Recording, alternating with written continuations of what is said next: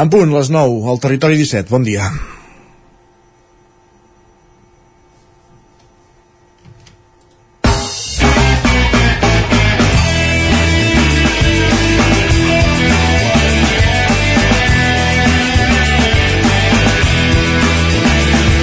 Era l'any 1991 i un grup de Ciutadella aterrava al Principat amb un disc sota el braç. Recordaven molt una de les primeres actuacions que van fer aquí en una gèlida nit de senyoretes al Carnaval de Trollom. De seguida es van establir a Girona, des d'on van publicar quatre discos més, entre els quals el més celebrat, Moviments Salvatges, que continua cançons com Si vens o aquesta, Tengues cor calent, on la bateria lluïa més. El vincle amb la comarca d'Osona es va mantenir sempre i memorables són els concerts, per exemple, a la pista del Club de Torelló, per als més joves allà on ara hi ha la Biblioteca dos Rius tancada per obres. Aquell grup, ja t'ho diré, es va acabar dissolent i van fer una petita reaparició amb cinc concerts a principis de la dècada passada, l'any 2013 però els vincles es mantenen i un d'aquells cinc joves va continuar la seva trajectòria com a mànager a través de la companyia i més management que ell mateix va fundar i aquí és on va coincidir amb el grup usonenc Obeses, de qui ha estat mànager i company de viatge fins ahir que una malaltia apagava la seva flama. El mateix grup Obeses ho anunciava a les xarxes socials i el seu cantant Arnau Tordera el definia com una de les millors persones que ha conegut mai. Avui hem volgut dedicar aquest petit racó a Sente Fontestat, que ens deixava ahir amb 66 anys. Descansi en pau. És dimarts 14 de novembre de 2023, en el moment de començar el Territori 17 a la sintonia de Ràdio Cardedeu, Ona Codinenca, La Veu de Sant Joan, Ràdio Vic, el 9 FM, i també ens podeu veure com cada dia, ja ho sabeu, a través de Twitch, YouTube, Televisió de Cardedeu, el 9 TV i la xarxa més. Territori 17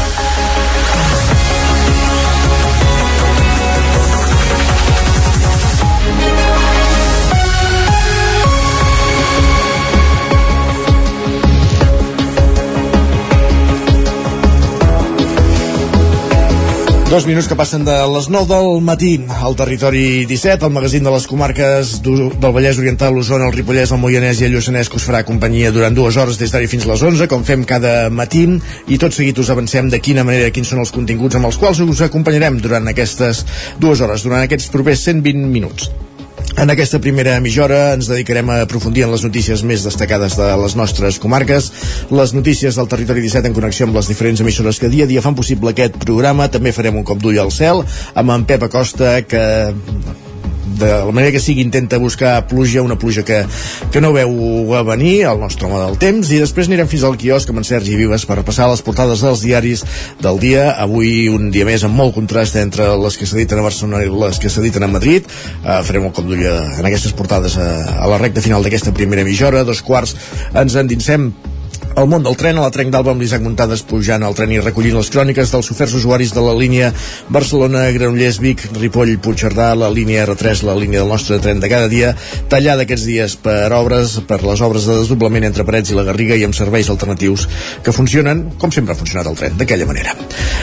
Uh, acte seguit a l'entrevista anirem fins a Ràdio Cardedeu per recuperar aquell projecte que us intentàvem explicar la setmana passada a través d'una connexió que va ser fallida. Avui el recuperem des dels estudis de Ràdio Televisió Cardedeu perquè volem parlar de, de Gers amb consciència i amb la seva promotora, amb la, amb la Laura i en companyia, com no, de l'Enric Rubio des de Ràdio Televisió Cardedeu per anar tot seguit, per desplaçar-nos, per sortir a l'exterior que ofereix un matí més amb Miquel Giol que es desplaça fins a l'oficina del síndic de Vic, l'oficina del síndic de Greuges Sitges de Vic, una figura que encarna des de fa 5 anys i per als propers 5 Joan Sala, així ho va aprovar el ple la setmana passada de revalidar-li aquest càrrec i coneixerem amb més detall aquesta oficina de, del síndic de Vic, quin tipus de queixa rep, si, té, si hi han resolucions favorables a qui fa la queixa, si no, de tot plegat en parlarem a partir de 3 quarts de 10 amb en Miquel a la recta final d'aquesta primera hora del territori 17. Arribarem a l'Equador, les notícies de les 10, la previsió del temps i a l'espai d'economia.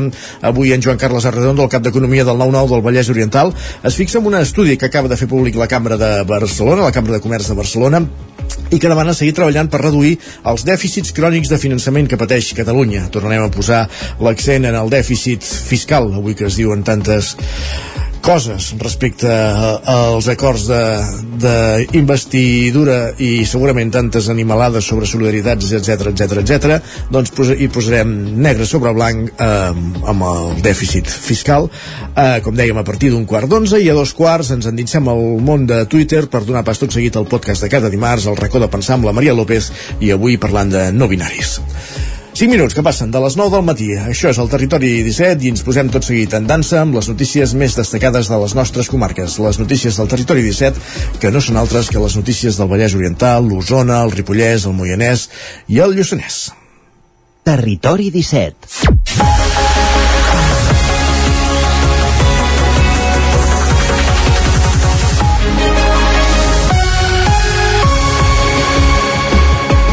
Per explicar-vos a aquesta hora, Colors del Lluçanès posposa els talls d'aigua fins a la setmana que ve, si abans no s'ha trobat cap solució. Sergi Vives, el 9 FM. Inicialment es preveia que comencessin aquesta setmana. La previsió de l'Ajuntament és que s'apliquin inicialment a la ramaderia i la indústria, els principals consumidors d'aigua, sectors que amb els que l'Ajuntament està en converses. El principal punt d'abastament d'aigua d'Olost és el pantà de la Gavarresa, també conegut com a pantà de Reixac, que està pràcticament buit. El consistori consistori ha demanat reduir el consum d'aigua, que s'ha rebaixat respecte als 900 metres cúbics de mitjana diària, però el marge d'acció per evitar els talls intermitents de subministrament ara mateix és molt reduït. Gràcies, Sergi. Més qüestions. La cooperativa Moianès Sostenible ja està en marxa i suma una cinquantena de socis. Roger Rams, anem cap a Moianès, on Codinenca dia, sí, l'objectiu d'aquesta entitat és crear una comunitat energètica a nivell comarcal que abasteix amb plaques solars i altres recursos als diferents pobles de la comarca del Moianès. D'aquesta manera no es vol dependre de les grans empreses del sector energètic, tal com passava fins ara. En parla un dels seus impulsors que la gent pugui posar plaques però no a títol individual sinó a títol de cooperativa, tipus d'una cosa conjunta, una cosa més social, posar l'energia en mans de la població i d'aquí va néixer la idea i aquí va néixer doncs, buscar gent que en tingués ganes i crear la cooperativa i tot el, tots els papers que es necessiten que no són pocs Paral·lelament, ara toca iniciar els projectes de transició energètica, tot buscant espais privats o bé públics on posar aquestes plaques solars per les comunitats energètiques locals de cada poble de la comarca. Des de Moianès Sostenible creuen que la comarca del Moianès podria ser autosuficient en matèria energètica. La, la independència energètica no dependrà de grans empreses multinacionals d'un oligopoli que és el que gestiona ara l'energia, tots ho sabem, sinó produir-la a nivell comarcal el Moianès és de les poques comarques de Catalunya que es podria autoabastir a nivell d'aliments, no? Perquè tenim quasi tanta producció com, com el consum que es fa i sabem l'important que és això. A més, el fet d'apostar pel format cooperativa permet empoderar els veïns del Moianès i que siguin ells qui prenguin les decisions en lloc, com dèiem, de les grans companyies energètiques actuals. Gràcies, Roger. Més qüestions. Un jutjat de Girona obliga l'Ajuntament de Ripoll a retirar l'estelada de la façana i posar-hi la bandera espanyola. Isaac Muntades, la veu de Sant Joan. El jutjat del contenciós administratiu número 3 de Girona obligarà l'Ajuntament de Ripoll a retirar l'estelada de la façana del consistori i a penjar-hi en el seu lloc la bandera espanyola amb un termini de 24 hores per fer-se efectiu. Es tracta d'un dictamen que arriba arran del requeriment de l'entitat unionista espanyolista Impulso Ciudadano, que defensa que la bandera ha d'onejar la façana de l'Ajuntament perquè així ho marca la Constitució espanyola. L'Ajuntament pot recórrer contra aquesta decisió, però l'ordre de retirar l'estelada no quedaria anul·lada. Per tant, s'haurà de fer igualment. L'alcaldessa Sílvia Oriols va dir que estudiarà què fer un cop rebi la notificació oficialment. Oriols va manifestar-se a les xarxes socials dient que Ripoll hi feia molt de vent últimament. Durant la campanya electoral de les eleccions generals del juliol passat se li va demanar que retirés l'estelada de la façana i llavors ho va fer. La mateixa alcaldessa i la seva parella també van retirar en el seu dia l'estelada que lluïa a la rotonda d'entrada de Ripoll al costat de l'Institut Abat Oliva del municipi.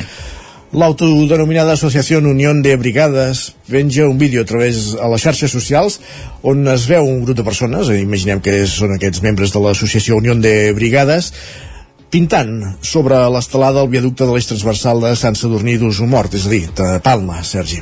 Així és, de fet el vídeo se sent com l'alcalde del municipi, Enric Riera de Junts, els demana que per quin motiu estan pintant la paret. A ells li responen que no tenen per què donar-li explicacions i que truqui a la policia. Aquest mateix grup havia reivindicat altres accions contra estelades i símbols independentistes. Home, no tenen que donar-li explicacions. Una mica de potestat l'alcalde, al seu municipi el deu tenir, entenem. Però vaja, en fi, allà ells amb la seva lectura de la llei. Més qüestions. El president del Barça, Joan Laporta, tanca els actes de la celebració del 25 aniversari del Consell Empresarial d'Osona.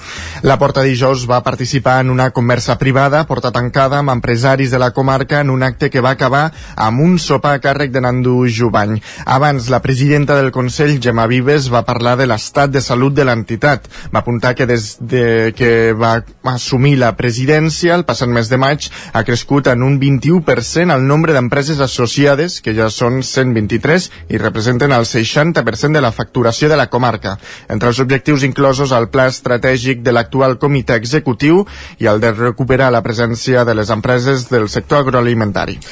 La, la Fira de la Muntanya de Vic, que aquest cap de setmana s'ha fet, ha, fet la, ha celebrat la 42a edició al recinte firal del Sucre, tanca amb xifres rècord. En total, per la proposta hi han passat, segons els organitzadors, més de 16.000 persones, Sergi.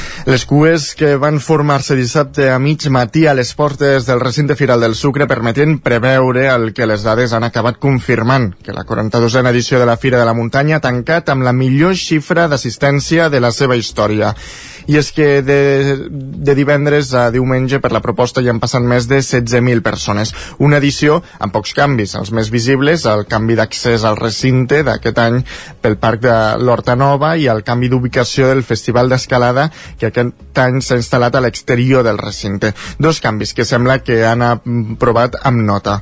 Albert Castells és l'alcalde de Vic i Eduard Comerma, el regidor d'Esports de l'Ajuntament de Vic. Tothom coincideix en que és un encert aquest canvi d'ubicació, l'entrada per aquesta part doncs, eh, sud del recinte firal i eh, posar totes les activitats d'escalada i la part també dels food trucks i tota aquesta activitat més lúdica fora a la part pròpiament del pati del recinte per tant molt contents també d'aquesta redistribució és la fira que ens queda més a prop a la nostra activitat no? i per tant que hi hagi tot d'activitats esportives vinculades a una fira comercial eh, bueno, enriqueix a tothom, no? la gent esportista, la gent eh, que ve a veure productes, llibres, mapes, eh, articles esportius, per tant enriqueix una mica a tothom eh, de, de la ciutat que li agradi la muntanya en aquest cas. No?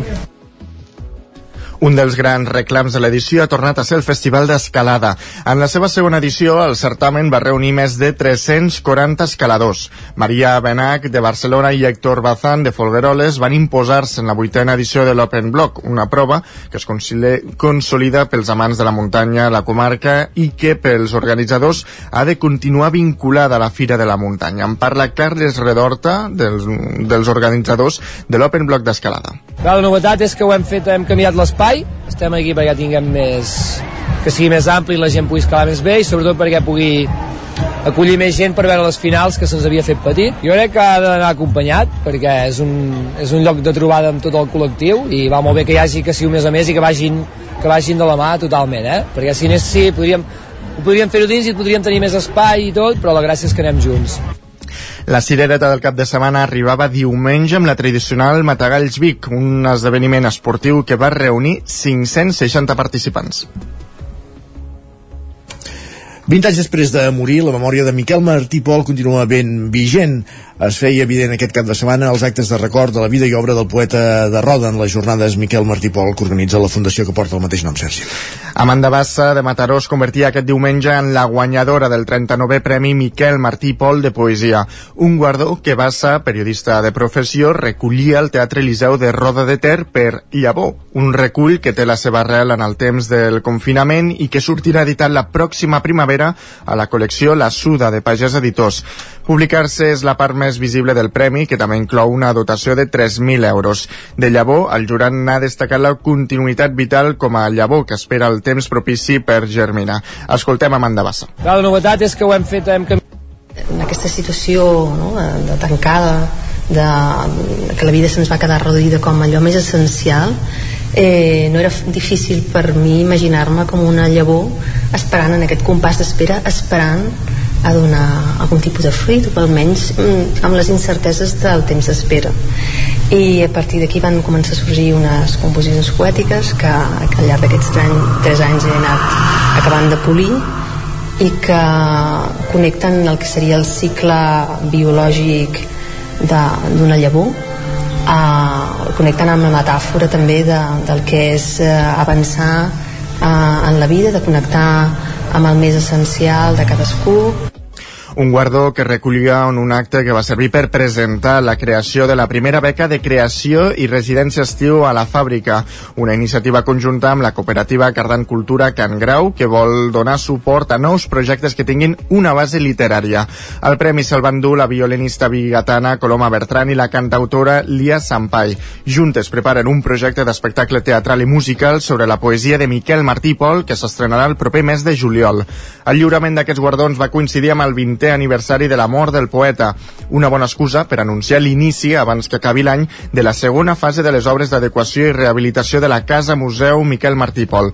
Toni Mas és l'alcalde de Roda ja tenim, econòmicament ja teníem la tant subvenció de Diputació com aportació de l'Ajuntament, estem pendents d'aquí a final d'any doncs, de poder iniciar, però no és només aquesta segona fase, sinó que ja de seguida que puguem tenir l'embastada treballarem per la tercera. De fet, les tres fases estan una està realitzada, la segona pendent ja de, de poder-la començar a realitzar, però totes tres ja estaven planificades des d'un inici. El 20è aniversari de la mort del poeta també va recordar-se al cementiri de Roda amb la presència d'amics i familiars de Miquel Martí Pol. I encara amb la pàgina de Patrimoni Cultural, amb motiu de donar a conèixer el noucentisme i modernisme a Cardedeu, s'ha organitzat una visita guiada al cementiri de la Vila, obra de l'arquitecte Manel Joaquim Raspall. Enric Rubio, Ràdio Televisió Cardedeu.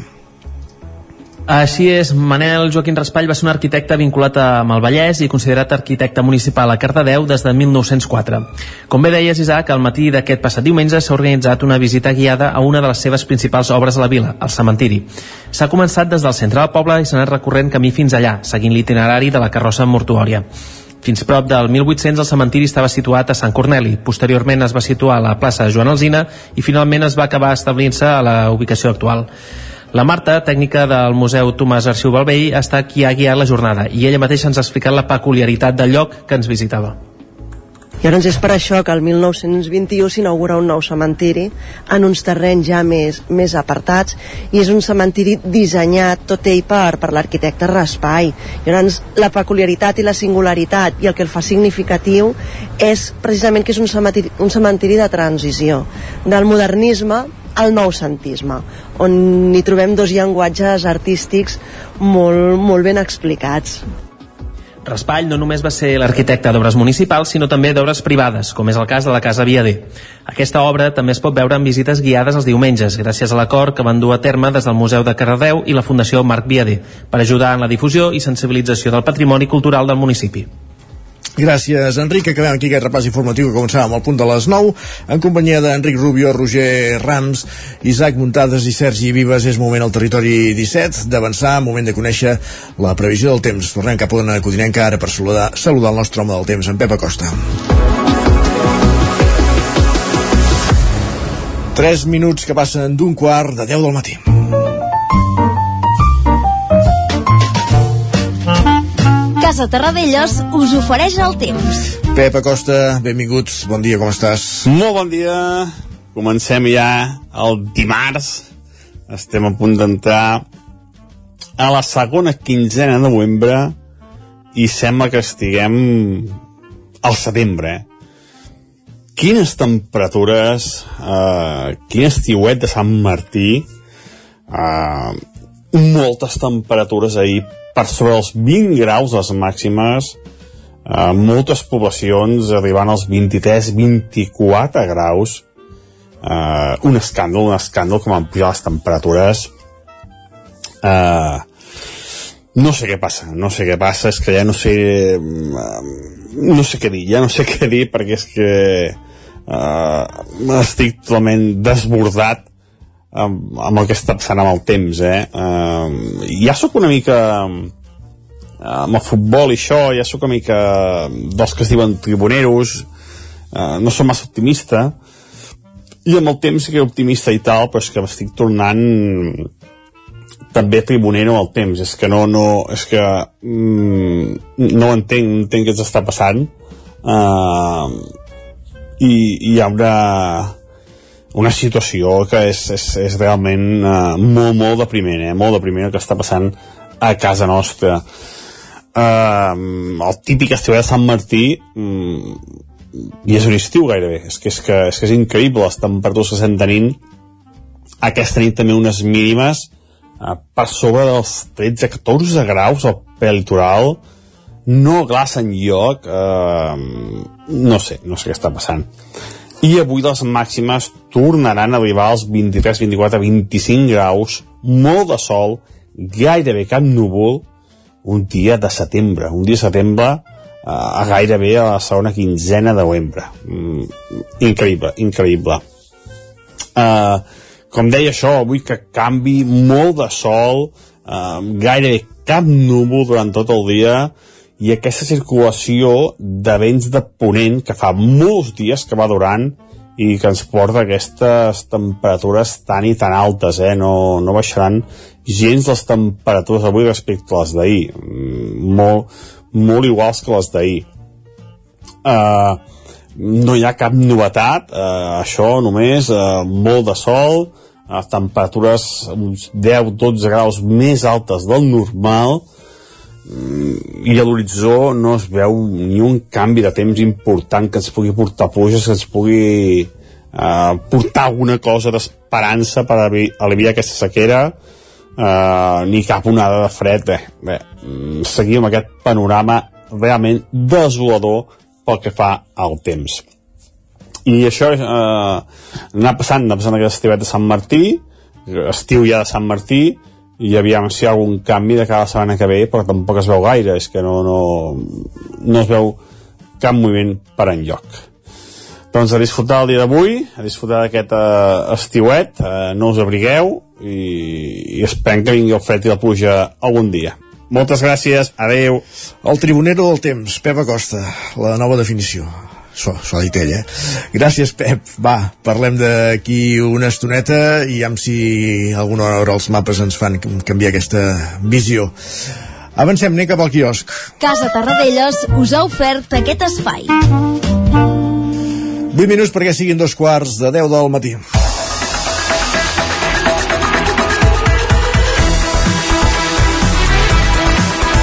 I és moment, Sergi Vives, de repassar quins són els diaris... Quines són les portades dels diaris del dia. Bon dia, benvingut. Per on comencem?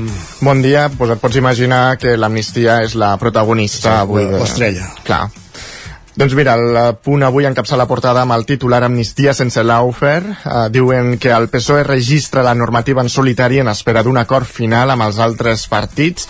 Expliquen que afectarà els represaliats penalment del procés d'entre l'1 de l'1 del 2012 i el 13 de novembre del 2023. Diuen que el Suprem demana respecte absolut a la divisió de poders, però no esmenta l'amnistia. Aquesta manera com has dit l'aufer m'ha fet pensar en la imitació que fan a Polònia d'una expresidenta del Parlament, però vaja. Ai, com s'ha de dir l'aufer? Tot, no, no, ja ho has dit bé. Ah, vale, vale. Ja has donat un to un mic així eslau. En fi, és igual. Va, més qüestions. Uh, el periòdico. El periòdico diu que l'amnistia agafa cos. Uh, diuen que el PSOE registra la llei en solitari al considerar Esquerra que no queda garantitzada la inclusió del CDR i de Tsunami Democràtic. Diuen que Armengol convoca la sessió d'investidura de Sánchez per demà i dijous. La Vanguardia diu que el PSOE presenta la llei d'amnistia per a gairebé 400 persones. Expliquen que els socialistes envien la norma al Congrés amb la negociació amb Esquerra encara oberta i es convoca la, la investidura per demà i dijous. Diuen que el preàmbul de la proposició justifica la necessitat de facilitar la convivència dins el marc constitucional. Per altra banda, destaquen el col·lapse als hospitals de Gaza. Expliquen que el complex hospitalari Al-Chifa, el més gran de Gaza, s'ha convertit en una ratera. Diuen que diversos metges van denunciar que ja no poden entrar-hi ni sortir-ne ningú, atesa la proximitat dels combats. I l'ara també destaca doncs, aquesta la, la llei d'amnistia que entra al Congrés, diuen que afecta totes les actuacions relacionades amb el 9-N i l'1 d'octubre des de 2012. També destaquen les declaracions de Fèlix Bolaños en què diu que és un pas gegant per a la convivència. I repassem ara portades espanyoles. El País diu que Sánchez il·lumina l'amnistia. Expliquen que 309 independentistes i 73 policies es veuran beneficiats per la norma. Diuen que el preàmbul defensa la Constitució i totes les aspiracions dins de la llei. L'ABC exposa el seu editorial a la portada del diari d'avui. Entre moltes coses, expliquen que l'ABC diu no a una llei d'amnistia que amplia la fractura social, que debilita l'Estat i que premia a qui s'ha declarat públicament adversari hostil d'Espanya. Eh, eh, l'ABC diu, i allò és per respondre, i tu qui ets? Però també diu sí Ah, també diu sí, ja, sí, va. Ja, a una diu sí. convivència basada en el marc constitucional, en la pau social i evitar una ruptura emocional entre espanyols. Sembla que ens hagin donat ja la independència. Eh? Gairebé, O sigui, sí, sí. Ostres. Sí. Jo el que m'agradaria llegir, per exemple, són editorials de, de l'any 78, quan, quan es negociava la Constitució. Clar, clar, clar. Lla- Llavors, aquests tan constitucionalistes no sé què deien. En fi, més qüestions. El Mundo diu que Sánchez borra l'1 d'octubre de la història perquè Puigdemont torni lliure. Expliquen que la llei del PSOE acaba amb totes les causes del procés, incloent les que tenen terrorisme i malversació. Diuen que donen dos mesos als jutges per aplicar-la i establir que les qüestions al Tribunal Constitucional o la Unió Europea no podran paralitzar-la. I acabem amb la Razón, que diu que l'amnistia sanchista borra 11 anys del procés independentista. Expliquen que la proposició de llei del PSOE obliga a deixar sense efecte l'ordre de detenció per Puigdemont i una possible euroordre. Em fa gràcia el concepte de la, amnistia sanxista, has dit, eh? Amnistia sanchista i... Esbo- Esborrar uns anys de, de procés, carai. I ja tinc ganes de veure les portades aquesta setmana amb el tema investidura, eh? Exacte, això serà entre dimecres i dijous, demà i demà passat. Sí, és. Uh, més portades? Anem als, als digitals. Molt bé, de l'edició d'Osona i el Ripollès del 99.cat. Doncs ens diuen que el govern vol limitar el nombre de pisos turístics a 17 municipis d'Osona i el Ripollès. Molt bé, i l'edició del Vallès Oriental? Doncs ens diuen que l'Ametlla retirarà 72 vehicles d'un solar al costat de la policia. Perfectíssim, gràcies Sergi. I nosaltres que avancem al territori 17 tot seguit una petiteta pausa 3 minutets i tornem de seguida perquè tenim moltes coses per explicar-vos. Primer de tot pujarem al tren amb l'Isaac Muntades a la Trenc d'Alba recollint les cròniques dels usuaris de la línia Barcelona Granollers Vic Ripoll Puigcerdà aquella que si ja de per si genera prou en renou aquests dies està tallada per a les obres de desdoblament entre Parets i la Garriga. Acte seguit a l'entrevista coneixerem el projecte de, de Gers en Consciència a Ràdio Cardedeu i amb la connexió ens desplaçarem fins a l'oficina del síndic de Vic per, per, per conèixer de fons aquesta figura i no tant la figura del síndic sinó eh, totes les queixes que, que recull i les resolucions que donen a les persones que utilitzen aquest servei. Fem una petita pausa al territori 17 i tornem d'aquí 3 minuts. Fins ara mateix. El nou FM, la ràdio de casa, al 92.8. Amb Pradell estalvio energia i cuido la meva butxaca i el medi ambient. Posa't en mans de Pradell, són experts en calderes de gas i condensació, estufes de pèl·let, energia solar, terres radiants i geotèrmia.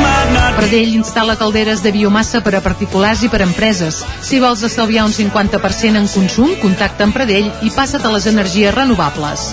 Pradell som a l'Avinguda Països Catalans 27 de Vic. Telèfon 93 885 1197. Pradell.cat. La qualitat de les teves impressions és important per tu? Estàs cansat que els colors i les imatges no surtin com t'esperes? A Impremta Mater disposem de la tecnologia més avançada i els millors professionals per aconseguir impressions d'alta qualitat. Fem tota classe d'impresos amb acabats professionals. Llibres, catàlegs, revistes, tesis, calendaris, enquadernacions... I a més, disposem del servei d'impressió digital en gran format, roll-ups, lones, pòsters i molt més. Impremta Mater. Ens trobaràs a la carretera de Sant Hipòlit 23 de Vic o impremtamater.com. Quan tingui un problema amb la seva caldera, vagi directament a la solució. Truqui sempre al servei tècnic oficial de Saunier Duval i despreocupis, perquè som fabricants i coneixem les nostres calderes peça a peça. I ara aconseguiu fins a 300 euros en canviar la caldera. Informeu-vos al 910 77 10 50 o a saunierduval.es. L'infopodcast del 9-9. Amb Sílvia Pedret. Cada dia et donem les claus de les notícies més rellevants de casa nostra. Vivim en una comarca que s'està demostrant pionera en transició. Desperta't cada dia amb l'infopodcast del 9-9. Aquesta setmana tornen a ser notícia els pantans perquè han baixat... El trobaràs a dos quarts de vuit del matí al 99.cat, Spotify, iVox i, si ho vols, te l'enviem directament al mòbil. Subscriu-te als canals de WhatsApp i Telegram del 99. Soc Sílvia Pedret. Comencem. Cada dimarts a les 11 de la nit, al 9 FM, repàs de l'actualitat esportiva a la banqueta. Imagines un programa de política, d'economia, feina... Doncs ja te'n pots oblidar. Quin tinglado! Un programa d'entreteniment, actualitat, cultura i molt rigorós. Amb Bata Serrat, Miquel Giol i Eudal Puig un programa que no passarà a la història i que tampoc guanyarà cap ondes. No ens flipem. Escolta'l cada dijous en directe de 8 a 9 del vespre al 9 FM. Ai, ai, ai, quin tinglado! Anuncia't al 9 FM. La màquina de casa. 9 3 8 8 9 4 9 4 9. Publicitat arroba al 9FM.cat. Anuncia't al 9 FM. La publicitat més eficaç. El 9 FM. Territori 17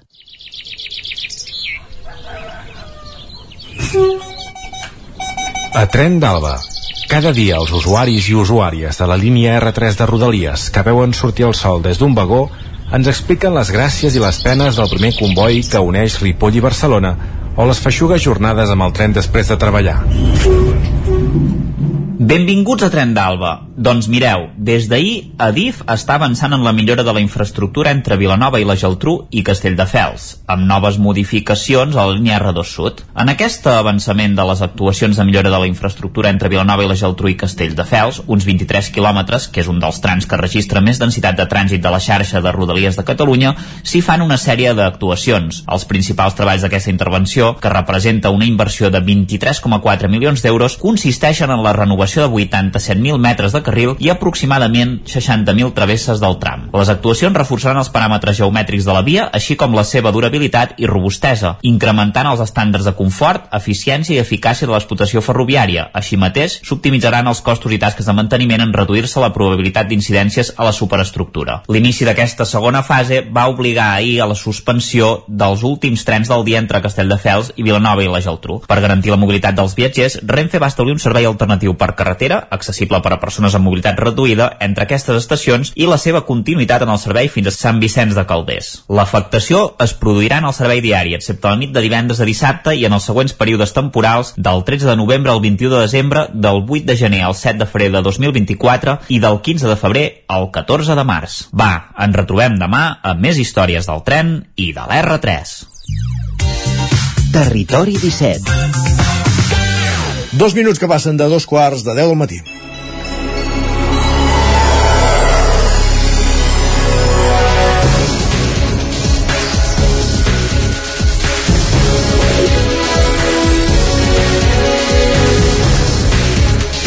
Mica en mica, conceptes com la sobirania alimentària es van fent un forat arreu i entre, i per exemple a Cardedeu, entre els productors que hi ha, hi ha la Laura de Gers amb consciència, amb un producte que potser no és dels més habituals eh, de trobar. Però que en canvi té una gran demanda, si més no, eh, per l'experiència que ens pot aportar ella avui a l'antena. Oi, Enric Rubio, Ràdio Televisió Cardedeu, bon dia, benvingut de nou. Bon dia. Exacte, Isaac. Així és. I quan trobem productes que no és habitual conrear als mateixos municipis, però que en canvi en van plens als prestatges de les botigues, vol dir que, un, venen de fora i, o dos, que segurament són de tot menys ecològics. Com bé deies, Isaac, Cardedeu és un bon motor de producció local en els àmbits més diversos i una bona part d'aquest motor és femení, com el cas que tenim avui. Així doncs, eh, no és un projecte més, sinó que és un projecte que porta el seu gra de sorra del poble dins el concepte del que dèiem com la sobirania alimentària i ho fa des d'un empoderament femení i jove. Hola Laura, bon dia, moltes gràcies per visitar-nos, ja que segurament ara mateix estaries al tros. Com estàs? Hola, bon dia. Doncs sí, tenies tota la raó. Estaria al tros treballant. Anem a veure, és difícil trobar gent jove que vulgui dedicar-se a la terra i tu ja fa un grapat d'anys que ho fas, una dècada més o menys pel que tinc entès. Uh, com va ser aquest procés de voler agafar aquest camí? Doncs tocant la terra. Vaig descobrir que m'encantava estar a l'hort i veure com creixien les verdures i això. Després em vaig dedicar de forma professional vaig treure'm els estudis i finalitzat tot això vaig dir, mira, l'horta és molt dura perquè jo venia d'horta i em vaig especialitzar. Vull dir, hi ha molts companys que estan fent això i jo no puc ser una més. Llavors vaig començar a investigar qui, què podria fer. Van sortir al GERS arrel d'una amiga i vaig dir, oh, per, per, què no? Si és que no hi ha ningú aquí que ho faci. Va començar sent una línia de 25 metres que compartia amb Horta la Fanacada, amb en Quino, i a partir d'allà doncs, tot va anar creixent fins al dia d'avui que per sort ara mateix tinc uns 3.000 metres quadrats sembrats. Sí, i ara ja estic ampliant. Amb, amb una mica de sort l'any que ve el començaré amb uns 4.000 metres quadrats. Uh -huh. Explica'ns una mica, Laura, en què consisteix el projecte, què té de característic i per què els GERS, ara ens deia, apuntaves que, que no hi havia productors de, de GERS i sobretot el per què amb consciència doncs el primer va ser perquè el que dèiem, no hi havia mercat i vaig dir, bueno, jo haig d'averiguar el que hi ha al com Eh, després també va venir pel tema de, de les càrregues, no? Jo com a dona volia, vull ser mare en un futur i no m'imaginava portejant el bebè o embarassada carregant caixes de 25 quilos de porros. Llavors m'ho vaig voler posar fàcil, el ger és una coseta que pesa molt poc, que puc transportar fàcilment i a més a més que la gent valora molt. És un producte que, bueno, té un bon preu perquè la gent el valora. És difícil de treballar, tens feina tot l'any i per què de consciència? Doncs perquè és de proximitat. Jo vull tindre la meva xarxa de, de ventes aquí en el poble i a la comarca com a molt. És ecològic, i no només ecològic, sinó que segueixo els principis també de la permacultura i ara que es parla tant de la regeneració del sol, no? I a més a més, amb consciència també perquè és, és un projecte d'empoderament, primer per mi, després de les altres dones que puguin treballar en el, en el camp i també de la pagesia. No? Hi, ha, hi ha molts factors. Enric, no tens micro. Em sembla molt interessant això que comentaves sí, de, de, aquesta conciliació familiar, aquesta visió de, de, de futur no? que, vas, que vas prendre també, que és possiblement molta gent no s'ho planteja això i després ens hi, ens hi trobem. Uh, parlant de futur, si no tinc mal entès, Laura, aquest any la sequera, uh, evidentment, uh, ha fet mal i està fent molt de mal, i concretament el GERS. Quines decisions has pres per combatre-ho a un mig uh, curt termini? Mm, ha estat un punt d'inflexió uh, per decidir si continuar o no? En quin moment et trobes ara? Doncs sí, fa sis anys que m'hi dedico i fi, aquest any passat vaig trobar el terrenito gran gràcies a, a la família que el, que el gestiona, que em va donar l'oportunitat de treballar en allà i, i em trobo amb una sequera brutal que m'ha fet perdre, doncs jo conto que més del 80% de la producció i de les plantes que són les que em donaran fruit, fruits en el futur, no? Llavors ha sigut un, un cop molt fort eh, no m'havia passat mai, però aquest és el primer any que m'estic plantejant seriosament si continuaré i com continuaré i si han de ser el GER, si ha de ser aquí, si ha de ser fora, no en tinc ni idea el que sí que he pres la decisió és que, 2000, que 2024 perdoneu, serà l'any de, de prendre decisions. Clar, ens comentaves que no només és perdut collita, sinó que el que és perdut són els, les, les plantes en si, que això potser és la part més dramàtica, no?, dins el que cap. Clar, aquestes plantes, eh, si m'haguessin sobreviscut l'estiu, l'any que ve tornen a fer una segona floració i em tornen a donar una planta nova que farà una altra floració. Ara em trobo que, que no, que tinc plantes que haig de traspassar en el, en el camp gran perquè el, el petit malauradament, eh, per desgràcia, per la sequera, l'haig de deixar eh, i, i, i no tinc plantes. Vull dir, això m'afectarà a les, a les futures collites, 2024, 25, i a veure com ho portem. Perquè entenem que és una plantació de secà, és a dir, que no hi ha rec artificial, o, o com, com funcioneu, diguéssim? Fins ara jo tenia el rec de, de Vallforners, que era del pantà de Quinacànoves, però portem 3 anys d'una sequia brutal, brutal, i el pantà està sec amb la qual cosa no hi ha aigua. Vull dir, tu obres l'aixeta del pantà i no surt ni una gota. Uh, llavors jo ara mateix estic uh, el que digui el temps si plou les plantes sobreviuran i tindré producció, si no plou ara mateix doncs serà un drama i quines que ens, uh, sí. No, no, pels que ens estan escolta, escoltant, sí, un petit incís, eh, disculpa'm, Isaac, és eh, el pantà de Vallforners, pels que no sàpiguen, ara mateix està sec. Quan parlem de que hi ha pantans secs, eh, normalment parlem del 18, del 20, del Vallforners es troba molt per sota del 10 pels que coneixen la zona, ara mateix quan hi van si no t'aboques al damunt, realment no es veu ni l'aigua vull dir, és, és realment un fet molt dramàtic no, no, de sí. fet la, la situació de sequera és generalitzada a tot el país, evidentment que, que hi ha situacions més crítiques, però que la, la sequera ja tots comencem a ser conscients de, del que implica. Uh, quines eh, solucions, evidentment, si no plou, si no hi ha aigua, uh, en plantacions com aquesta, uh, poden tenir alguna alternativa? Uh, com, com ho veus tu, Laura? Mm, no, l'alternativa és buscar-me una feina fora del camp, continuar sobrevisquent aquest any a veure si les plantes sobreviuen com a mínim i si no és així definitivament deixar el projecte i buscar-me una feina fora del camp. Esperem no haver d'arribar a aquests, a aquests extrems, eh, perquè et volíem demanar... Jo també ho espero. Ho desitgem.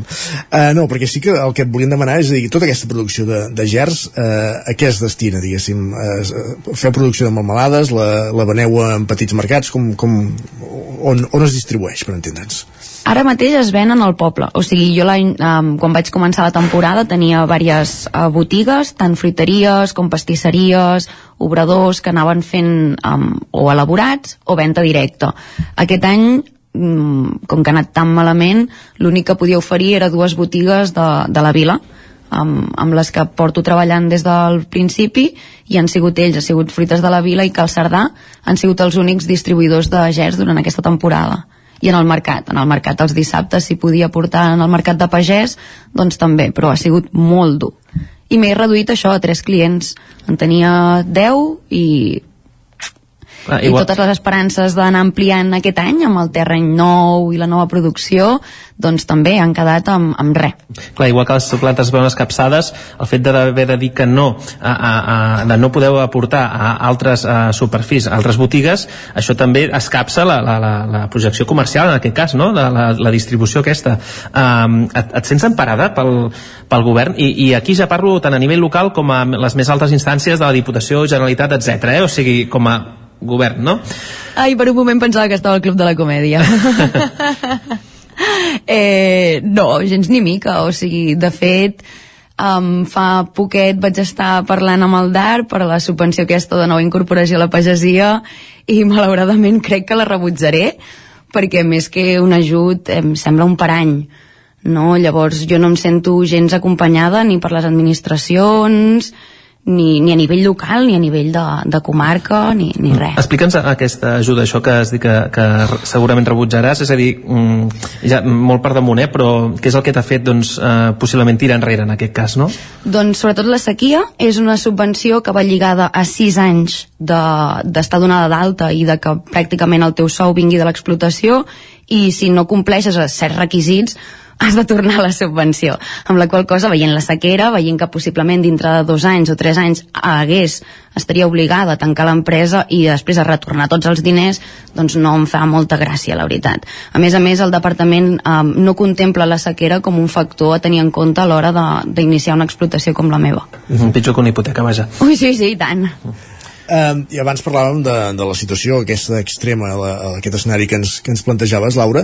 Uh, els, els, uh, els agricultors de, de l'entorn esteu tots en una mateixa situació o, o veieu alguna, algun escull, alguna possibilitat de, clar, evidentment si no hi ha aigua no hi ha aigua, eh? és, és evident però canvis de cultiu, canvis de, de tendències que, que el sol pugui ser més resistent amb, amb altres cultius Saps què passa? Que la majoria de pagesos estem per vocació i per passió i quan veiem que tant a nivell burocràtic, a nivell administratiu, ja ara a nivell climàtic, eh, ens, ens estan ofegant, o ens estem ofegant, molts decidim deixar la feina i buscar-nos el que sigui. Alguns fan oposicions i se'n van a funcionaris, d'altres busquen una feineta fora, temporers, altres busquen la vida fora d'Espanya. De, o sigui, el, el futur és aquest, eh? Malauradament, si no fem alguna cosa, jo crec que en 3-4 anys no hi haurà ni pagesos ni pageses, més que les grans superfícies que es puguin permetre el luxe de, de pagar i pagar i pagar.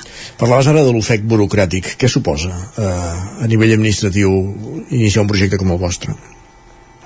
Um, et pots imaginar pagar una quota d'autònoms venent gers o cebes o porros? Eh, quan no només és això, també són altres um, papers. Uh, la gent que té el certificat del CCPAE paga per demostrar que els seus productes estan fets d'una altra manera. Eh, bueno, tot, tot és diners, tot és temps també i moltes vegades no és fàcil i no ens sentim ni recolzats ni, ni res. De fet, um, jo crec que tot això està fet perquè haguem de passar sempre per un gestor i que ni tan sols nosaltres puguem fer aquesta feina, sigui perquè no l'entenguem o sigui perquè no tenim el temps per fer-ho. I tornant una mica al, al camp, eh, ara estem en aquesta situació, hem, heu patit com, com es morien plantes a causa de la sequera, hi ha hagut menys producció. Quin és el, el procés, eh, el calendari anual de, de, la, de la producció de, del gerd? Entenem que, que floreix més cap a la primavera, ara a l'hivern què, què ha de passar, diguéssim, perquè, perquè la planta vagi subsistint? Ara a l'hivern la meva feina és uh, trasplantar aquestes plantes que dic que, que han sobreviscut, que són unes campiones al terreny gran, a veure si també sobreviuen aquesta tardor, esperem que plogui, i el següent pas és a l'hivern podar, podar perquè aquestes plantes arrelin bé i agafin tota l'energia cap a baix i a la primavera floreixin. Uh, tenim tota la primavera de floració i al principis de juny, mitjans de juny, jo començo a collir aquesta, la fruita i durant aquest procés doncs, també hi ha plantes, o sigui, fan dues floracions, amb la qual cosa, mentre estic collint la fruita d'una planta, l'altra va fent la flor, va madurant i em va fent tota una línia de producció, més o menys fins al setembre-octubre. Això és feina per, per de, de tot un any, eh? no, totes, no tots els productes eh, passa això, però realment en aquest doncs, eh, esteu ben entretinguts. Sí. Bé, Isaac, no sé si volies eh, fer algun punt final o... No, no, ha quedat tot eh, claríssim el, el missatge, eh, el discurs i esperem, tots ho desitgem, eh, que, que plogui per, per, molta, per moltes situacions, perquè evidentment sense aigua eh, d'entrada no hi ha vida. Per tant, ni, Exacte. ni al camp ni en lloc. Per tant, tots desitgem que, que plogui i Laura, que diguem si podem ser, si s'alvira alguna finestra de bon temps, que en aquest cas vol dir pluja, i, i veiem que la cosa pot remuntar. Moltíssimes gràcies per acompanyar-nos i que, que vagi molt Gràcies a vosaltres. Gràcies. I pluja. Gràcies. Exacte. Gràcies, Enric, també parlem d'aquí una estoneta. Fins ara. I nosaltres que avancem al territori 17, hem parlat de- d'agricultura, hem parlat de sequera, i ara el que fem és parlar de, de, de queixes davant de l'administració, perquè avui en Miquel Giol s'ha desplaçat fins a l'oficina del síndic de Vic i volem saber quin tipus de, de queixes es reben, quines solucions s'hi donen i, i parlar una mica de la figura de, del síndic de Greuges, una figura relativament nova a la ciutat de Vic que es va estrenar fa 5 anys i que el ple la setmana passada renovava per 5 anys més sobre la mateixa persona, en Joan Sala Magiet, aquí saludarem tot seguit a l'antena del Territori 17. Territori 17. Un minut pràcticament que passa de 3 quarts de 10 del matí.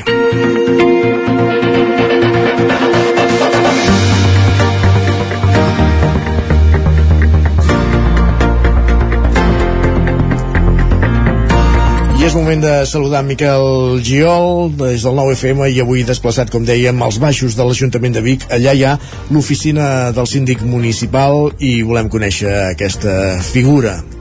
Uh, Miquel Giol, benvingut, bon dia. Miquel, perdona, que no... Eh, un moment, ara tornem a provar-ho. Bon dia, Miquel. Bon dia, Isaac. Doncs mira, avui, com deies, sóc dins de l'Ajuntament de Vic, on he entrat a l'oficina del síndic de Greuges per parlar precisament amb en Joan Sala, que des del 2018 exerceix de síndic i just la setmana passada va renovar el càrrec per 5 anys més. I avui hem vingut a conèixer la seva figura i una miqueta la seva feina. Bon dia, Joan, i gràcies per atendre'ns aquí al Territori 17. Hola, molt bon dia i gràcies a vosaltres. D'entrada, Joan, ens sabries explicar una miqueta per a la població en què consisteix la figura del síndic de Greuges?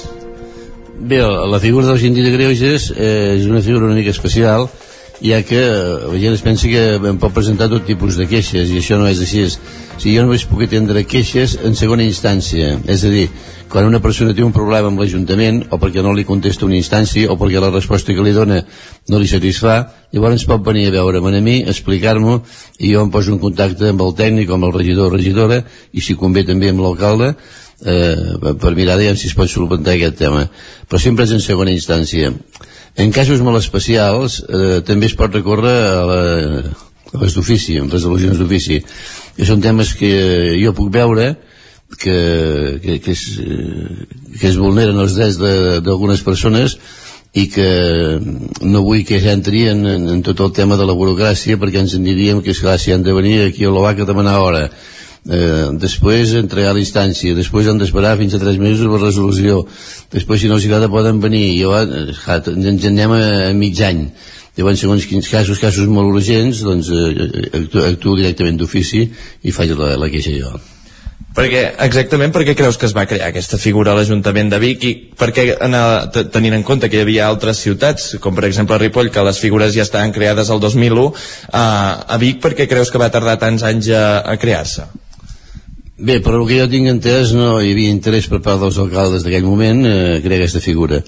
Els del grup d'iniciativa ja als anys 90 volia crear aquesta figura, però els alcaldes que hi van haver-hi doncs, en aquell moment i a principis del 2000 doncs no van, eh, no van creure oportú creien que era una, una figura que fiscalitzaria l'Ajuntament, que seria una intromissió i que, crearia més problemes que solucions però llavors eh, a la primera legislatura de, de, de l'ANR com que no tenia majoria la segona sí que va tenir majoria però la primera no tenia majoria necessitava dos vots.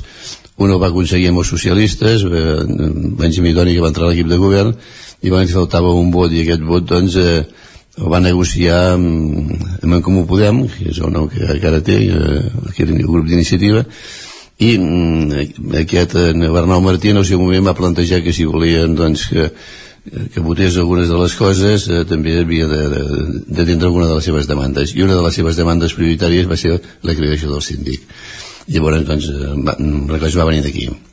O sigui, no és per un convenciment directe de, sinó que hi havia doncs, eh, un regidor i un grup polític que estava molt interessat que aquesta figura existís eh, com existeix a altres 40 i pico poblacions de Catalunya eh, però aquí no, en aquell moment no hi havia cap interès o no hi havia massa interès i ara jo penso que en aquests 5 anys eh, s'ha aconseguit que tots els membres del consistori vegin aquesta figura eh, necessària per transparència, per coherència i per tot.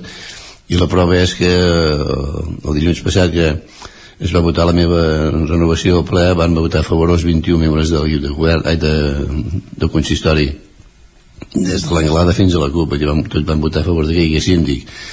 I el que té també d'això és que l'equip de govern que és la persona, els grups més afectats perquè esclar, totes les queixes jo les adreço a l'equip de govern doncs l'equip de govern també estigués d'acord en que jo renovés vull dir que mm, penso que aquesta figura mm, s'ha anat eh, guanyant el, el seu lloc i ara jo diria que seria mm, molt difícil, bueno, seria difícil tot és fàcil, és difícil, no?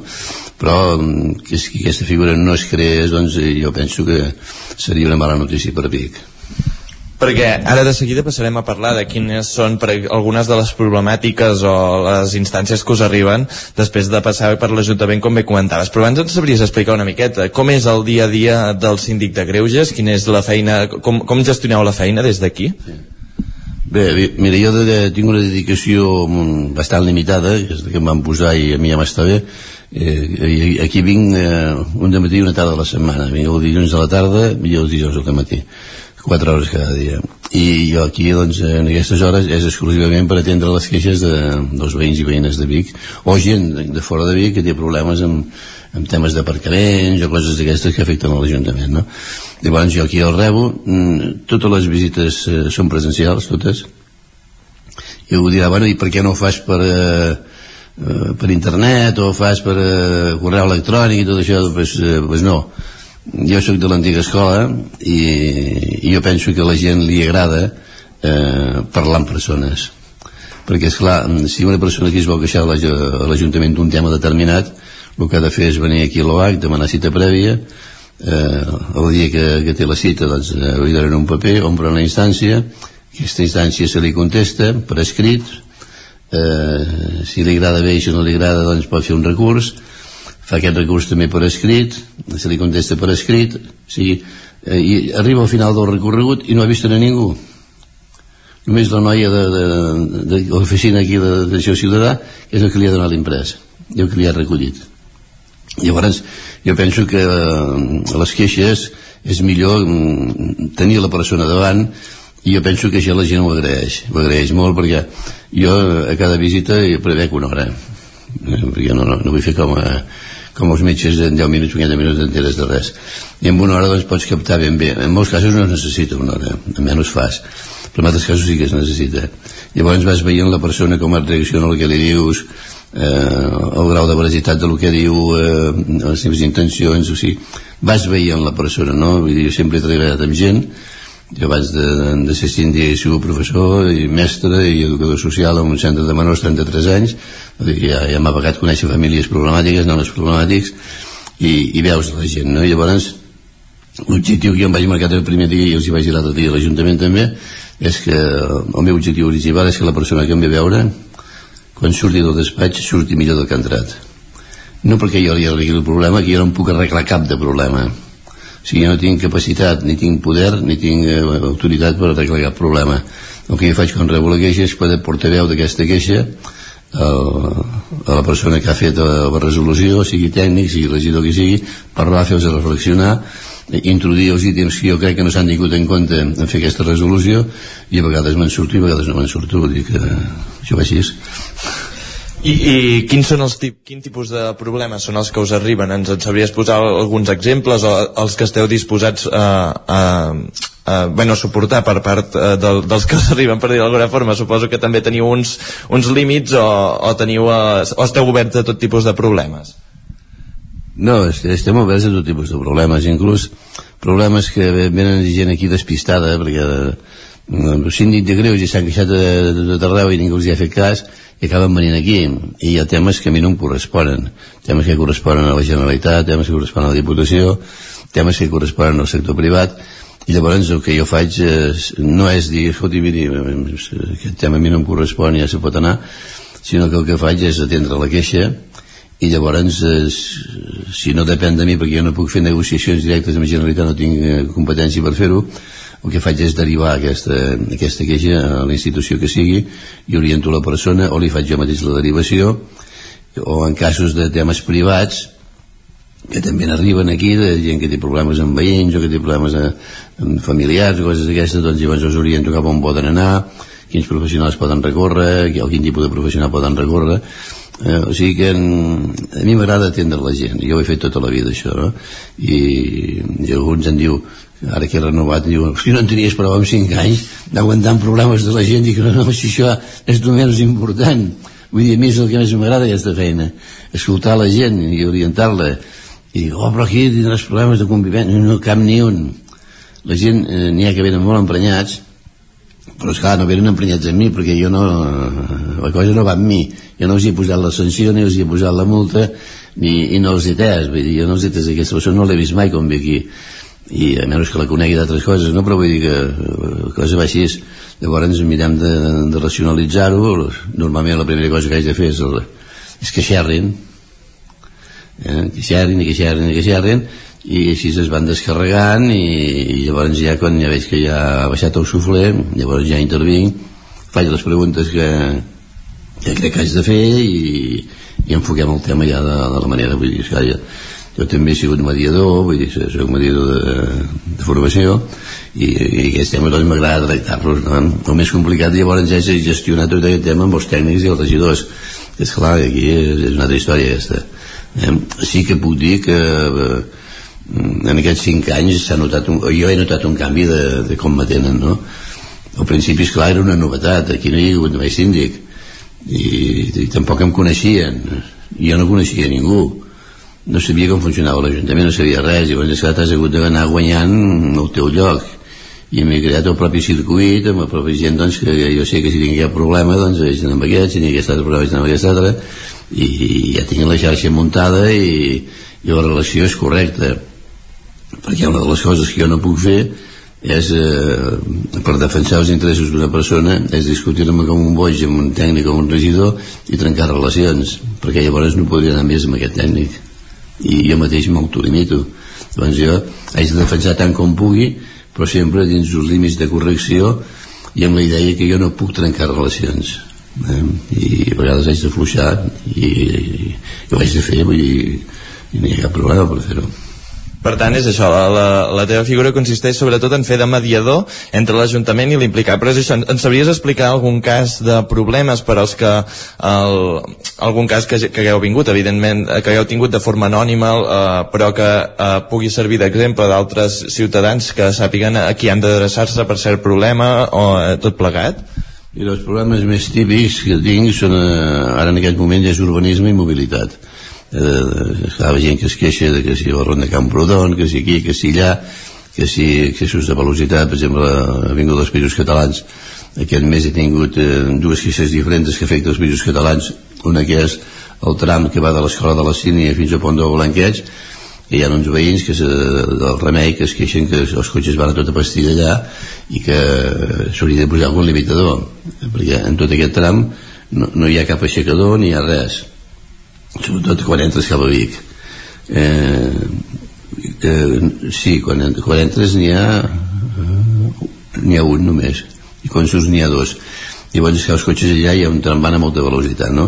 i després hi ha el tram de, que passa per l'Horta Vermella que passa el mateix, però aquí la queixa és una altra aquí es queixen els veïns que els camions a partir de les 3-4 de la matinada passen a tota pastilla per anar als mataderos i per anar als polígons llavors jo ahir mateix ahir vaig estar parlant amb la regidora d'urbanisme li vaig explicar aquests dos casos i vaig dir que havien de prendre mesures o bé posar radars radars fixes llavors s'ha de posar s'ha d'anunciar que hi ha un radar de tota aquesta història o bé posar-li aixecadors eh? Um, ja gairebé per anar acabant, perquè hem de donar pas en els informatius. A, de fora de micros em comentaves un detall important, que avui és l'últim dia que sou en aquí aquesta oficina de, de sota de l'Ajuntament i que canvieu de lloc, no? Bueno, l'últim dia no ho sé, eh, és un dels últims, potser és l'últim o potser no, però sí, eh, es, farà, es faran obres en aquesta planta, aquesta planta baixa de l'Ajuntament es faran obres, m'afectaran i lògicament quan eh, es facin obres eh, em traslladaran segurament al sucre, no sé quan hi aniré, encara no m'ho han dit, sí que m'han dit que seria la segona planta del sucre, però tot això s'anunciarà i ja li vaig dir a l'alcalde que quan arribés aquest moment que es fes la publicitat i es donés difusió aquesta notícia de que la gent ja no ha de venir aquí sinó que vingui allà i llavors jo no sé si aquest trasllat serà temporal o serà definitiu vull dir que llavors eh, vés a saber eh, perquè mai se sap Genial, doncs moltes gràcies, Joan, i ja ho veus, Isaac, que per si tens mai cap problema ja, ja saps on, on t'has d'adreçar. Exacte. Molt ben explicada tota la feina que fa Joan Sala Veget, el síndic de Greuges de l'Ajuntament de Vic, que ho serà per 5 anys més, i ara que són les 10 del matí, com bé apuntava també Miquel Giol, és moment d'actualitzar-nos.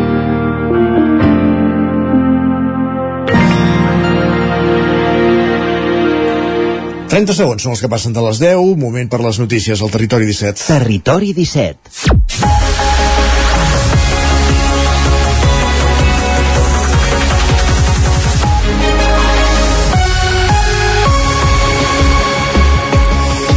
La Fundació Oncovallès estrena una furgoneta per transportar pacients als tractaments finançada amb els diners recaptats per l'Oncodines Trail.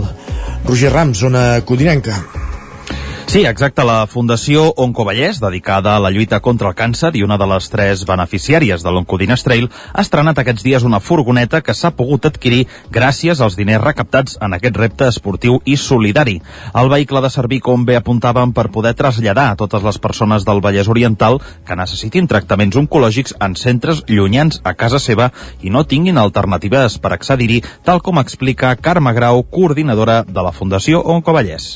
La furgoneta és molt important, pot ser que doni la sensació que només és una furgoneta, però és molt més que una furgoneta, perquè què farà això? Pues ajudarà molta gent a nivell del Vallès Oriental, tots els CAPs, 42 CAPs, els tres hospitals que ens necessitin, amb persones que no tinguin ningú que els acompanyi quan tenen que anar, per exemple, al clínic, quan es deriven del nostres, dels nostres hospitals i tenen que anar a Barcelona. I anirà un, una persona ja sanitària, o sigui, serà com un ambulancier qui els portarà, perquè ha de ser una persona sanitària i els acompanyarà i els tornarà a casa. casa.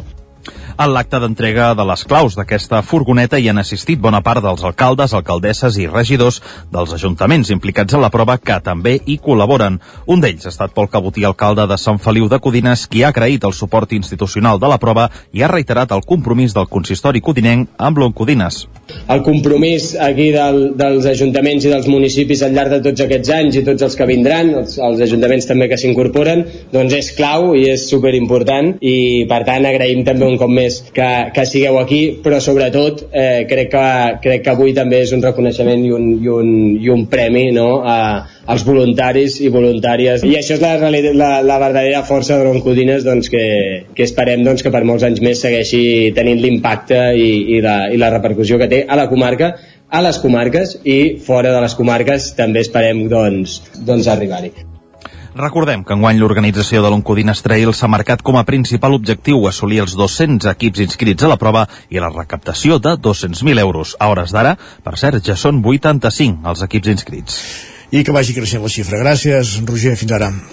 Fins ara. Més qüestions, el Comitè Transfeminista d'Osona, format per una vintena d'entitats, i la CUP han emès un comunicat demanant que se suspengui la conferència que ha organitzat el Fòrum de Debats aquest divendres a la ciutat de Vic, Sergi Vives, al 9FM. I és que hi intervé Sandra Mercado, una dona que després de fer el trànsit es mostra crítica amb tot el procés. Pels signants del manifest, la invitació de Mercado és un acte transfòbic i travessa les línies de la tolerància i respecte envers la comunitat trans. També remarquen que no és la vivència personal ni el seu dret de transicionar el que els genera rebuig, sinó que detallen que és la seva oposició a drets recentment obtinguts gràcies a la llei trans.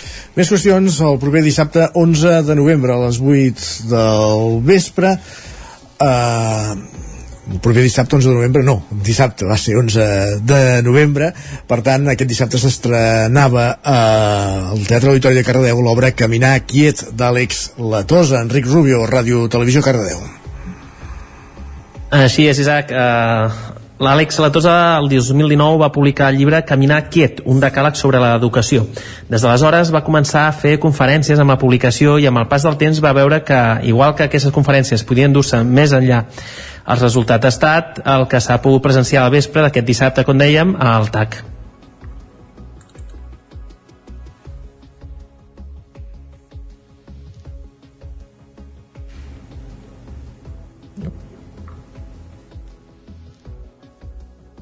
També és uh, aquesta barreja que no sabem quin gènere hem pogut crear aquí. Camina Quiet ha estat en els darrers mesos en residència a la Tèxtil Race, on s'ha anat donant forma a l'espectacle. La Tosa ha sumat al seu equip els cardedeuencs Enric Alegre i Òscar Igual, com a respectius director artístic i director musical de l'espectacle, creant entre tots una peça que pretén encaminar a pares i docents en l'educació. Eh, hi, ha, hi ha algun un repertori que he creat especialment per, per l'espectacle i altres són adaptacions que hem escrit i hem, i hem adaptat a la nostra manera d'interpretar-les i d'intentar que la gent connectés amb les cançons. Llavors jo el que he fet és col·laborar eh, aportant eh, bueno, la, la meva visió i, i, i donant el, el, una, vis, una visió des de fora, no, diríem, i ha sigut molt maco, ha sigut molt, molt entretingut, jo m'ho he passat molt bé. Per ara, Caminar Quien no compta amb més dates de representació, però la intenció és fer arribar l'espectacle a més indrets del territori català. Gràcies, Enric. Més qüestions i també aquest cap de setmana s'hi ha fet a Vic la 42a edició de la Fira de la Muntanya, que ha tancat amb xifres de rècord en total. Per la proposta que han passat, segons els organitzadors, més de 16.000 persones, Sergi Vives. Les cues que van formar-se dissabte a mig matí a les portes del recinte Firal del Sucre permetien preveure el que les dades han acabat confirmant, que la 42a edició de la Fira de la Muntanya ha tancat amb la millor xifra d'assistència de la seva història. I és que de divendres a di diumenge, per la proposta, hi han passat més de 16.000 persones. Una edició amb pocs canvis. Els més visibles, el canvi d'accés al recinte aquest any eh, pel Parc de l'Horta Nova i el canvi d'ubicació del Festival d'Escalada que aquest any s'ha instal·lat a l'exterior del recinte. Dos canvis que sembla han aprovat amb nota. Albert Castells és l'alcalde de Vic i Eduard Comerma, el regidor d'Esports. Tothom coincideix en que és un encert aquest canvi d'ubicació, l'entrada per aquesta part doncs, eh, sud del recinte firal i eh, posar totes les activitats d'escalada i la part també dels food trucks i tota aquesta activitat més lúdica fora a la part pròpiament del pati del recinte per tant molt contents també d'aquesta redistribució és la fira que ens queda més a prop a la nostra activitat no? i per tant que hi hagi tot d'activitats esportives vinculades a una fira comercial eh, bueno, enriqueix a tothom, no? La gent esportista, la gent eh, que ve a veure productes, a llibres, mapes, eh, articles esportius, per tant enriqueix una mica a tothom eh, de, de la ciutat que li agradi la muntanya en aquest cas, no? Un dels grans reclams de l'edició ha tornat a ser el Festival d'Escalada. En la seva segona edició, el certamen va reunir més de 340 escaladors. Maria Benac, de Barcelona, i Héctor Bazán, de Folgueroles, van imposar-se en la vuitena edició de l'Open Block, una prova que es, consolida, que es consolida pels amants de la muntanya a la comarca i que pels organitzadors ha de continuar vinculada a la Fira de la Muntanya. Escoltem Carles Redorta. La novetat és que ho hem fet, hem canviat l'espai, estem aquí perquè tinguem més, que sigui més ampli i la gent pugui escalar més bé i sobretot perquè pugui acollir més gent per veure les finals que se'ns havia fet petit. Jo crec que ha d'anar acompanyat perquè és un, és un lloc de trobada amb tot el col·lectiu i va molt bé que hi hagi que sigui més a més i que vagin, que vagin de la mà totalment, eh? perquè si anés sí, podríem, podríem fer-ho dins i podríem tenir més espai i tot, però la gràcia és que anem junts. La cirereta del cap de setmana arribava diumenge amb la tradicional Matagalls Vic, un esdeveniment esportiu que va reunir 560 participants. I 20 anys després de morir, la memòria de Miquel Martí i Pol continua ben vigent. Es feia evident un any més aquest cap de setmana en els actes de records a la vida i obra del poeta de Roda de Ter en el marc de les jornades Miquel Martí i Porc, Miquel Martí i Pol, que organitza la fundació que porta el seu mateix nom, Sergi. Així és. Amanda Bassa de Mataró es convertia aquest diumenge en la guanyadora del 39è Premi Miquel Martí i Pol de Poesia. Un guardó que Bassa, periodista de professió, recollia al Teatre Eliseu de Roda de Ter per Llavor, un recull que té la seva arrel en el temps del confinament i que sortirà editat la pròxima primavera a la col·lecció La Suda de Pagès Editors. Publicar-se és la part més visible del premi, que també inclou una dotació de 3.000 euros. De llavor, el jurat n'ha destacat la continuïtat vital com a llavor que espera el temps propici per germinar. Escoltem Amanda Bassa. En aquesta situació no, de tancada, de, que la vida se'ns va quedar reduïda com allò més essencial, eh, no era difícil per mi imaginar-me com una llavor esperant en aquest compàs d'espera esperant a donar algun tipus de fruit o almenys mm, amb les incerteses del temps d'espera. I a partir d'aquí van començar a sorgir unes composicions poètiques que, al llarg d'aquests tres anys he anat acabant de polir i que connecten el que seria el cicle biològic d'una llavor eh, connectant amb la metàfora també de, del que és eh, avançar eh, en la vida, de connectar amb el més essencial de cadascú el lliurament d'aquests guardons va coincidir amb el 20è aniversari de la mort del poeta, una bona excusa per anunciar l'inici abans que acabi l'any de la segona fase de les obres d'adequació i rehabilitació de la Casa Museu Miquel Martí i Pol. També aquest 20è aniversari de la mort del poeta es va recordar al cementiri de Roda amb la presència d'amics i familiars de Miquel Martí i Pol. Si vols, treu-te la disfressa fes-ho sense pressa doncs precisament un amic de Miquel Martí Pol, Lluís Llach, que ja porta anys apartat dels escenaris, torna a un estudi de gravació i ho, ha tornat a l'estudi de gravació i ho ha fet per participar al disc del desè aniversari dels Catarres, Sergi. Plegats interpreten aquest tema, un sostre fet d'estrelles amb una nova versió de la cançó més acústica que l'original. Llach és un dels artistes que participen al disc, on també hi haurà Figaflaues, els Amics de les Arts, l'Escolania de Montserrat o Sopa de Cabra. En total, 11 noves versions dels grans grans èxits dels Catarres que es publicaran en format disc aquest divendres 17 de novembre.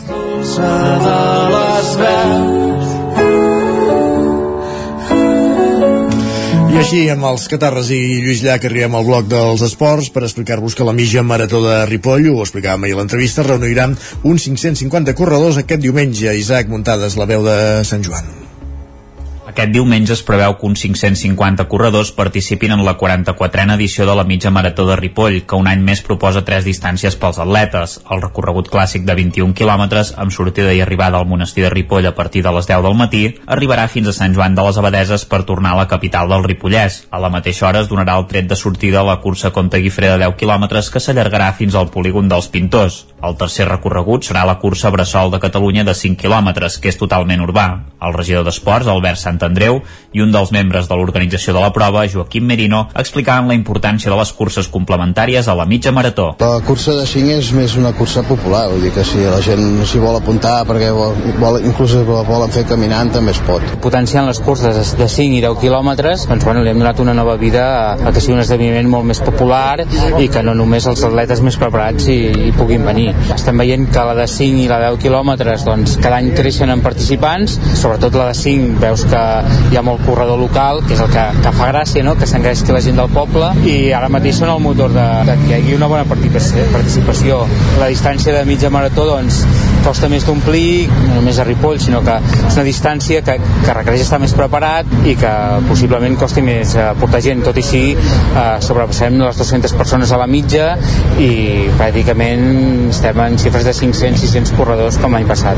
Actualment ja hi ha uns 440 corredors inscrits i també hi haurà inscripcions el mateix dia de la prova de 8 a 9.50 del matí. Com ja és habitual, dissabte a la tarda es disputarà la cursa a tardor dels Jocs Esportius Escolars a la zona de la Devesa del Pla i al pont d'en Calatrava. Hi haurà cinc categories com són iniciació, prebenjamins, benjamins, alevins i infantils, amb recorreguts entre 450 i 1.300 metres de distància segons l'edat dels nens, que tindran entre 4 i 13 anys. Per ara hi ha una setantena d'inscrits. Gràcies, Isaac. Acabem aquí aquest repàs informatiu. Temps pel temps, també.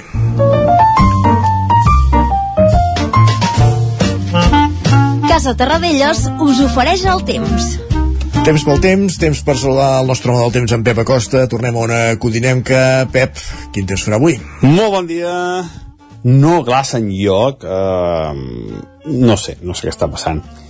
I avui les màximes tornaran a arribar als 23, 24, 25 graus, molt de sol, gairebé cap núvol, un dia de setembre, un dia de setembre eh, a gairebé a la segona quinzena de novembre. Mm, increïble, increïble.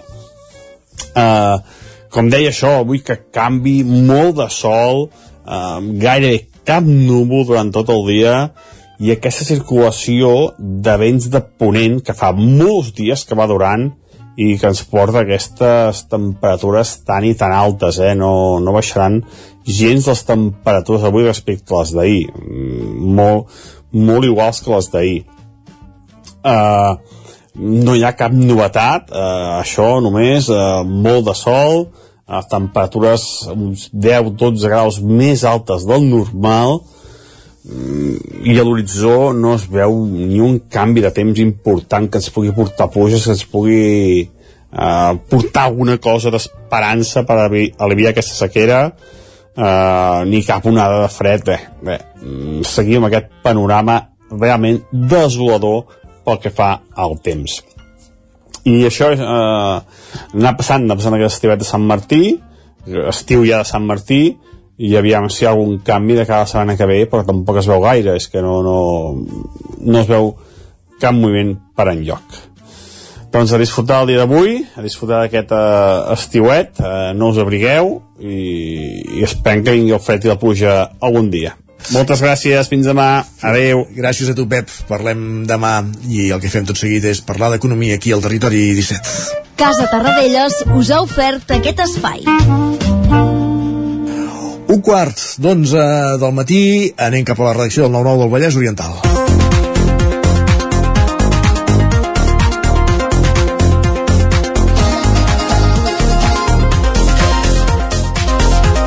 Perquè, com deia, més moment de parlar d'economia amb en Joan Carles Arredondo, el cap d'Economia del 9-9 del Vallès Oriental, que avui vol parlar de balances fiscals i ho fa a partir d'un estudi de la Cambra de Barcelona que demana continuar treballant per reduir els dèficits crònics del finançament que pateix Catalunya. Joan Carles Arredondo, benvingut, bon dia. Bon dia.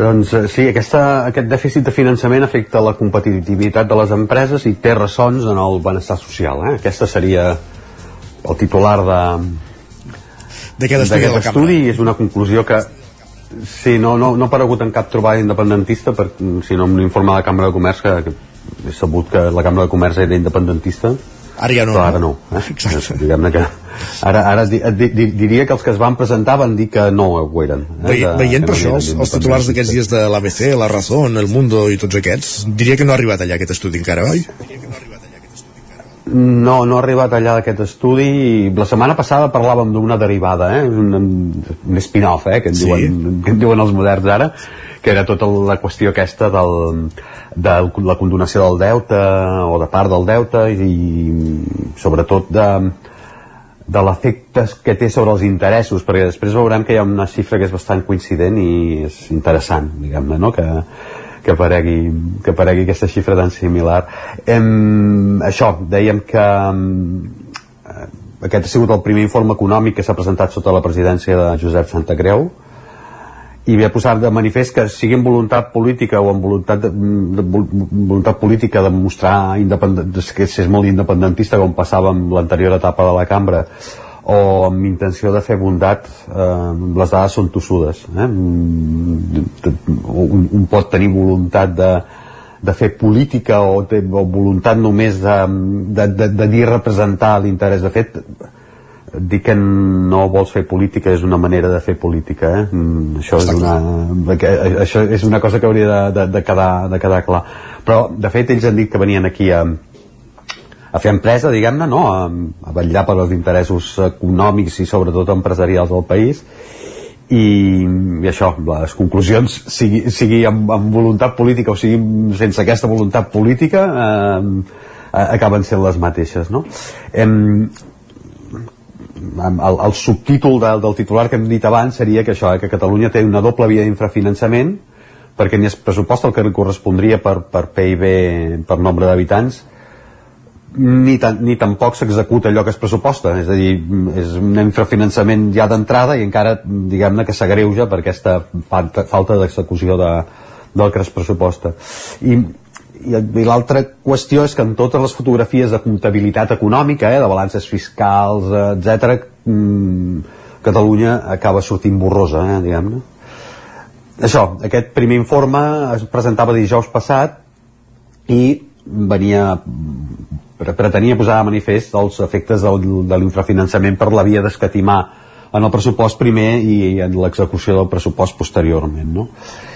Per fer una primera anàlisi de l'estudi cal retenir dues dades aquestes són Catalunya representa un 19,1% del PIB de l'Estat i en població és un 16% de l'Estat retinguem aquesta dada perquè anirem veient com es fan comparatives respecte del de, que representa a Catalunya en l'Estat i el que acaba rebent eh, les inversions de l'Estat a Catalunya la major part de les quals estan dedicades a, a infraestructures suposen un 10,7 del PIB. Per tant, estem veient que està per sota del 19% que representa en PIB per habitant i per sota del 16% que representa en població. Diuen que les comparacions són odioses, però en farem una. Eh? El contrast del balanç amb la Comunitat de Madrid, que representa un 19,3% del PIB i un 14% de població. A Madrid hi arriben l'equivalent al 16,6% del PIB, eh? com podem veure per sota del PIB, eh, del, del PIB per habitant que, que, que té Madrid, però per sobre de la població.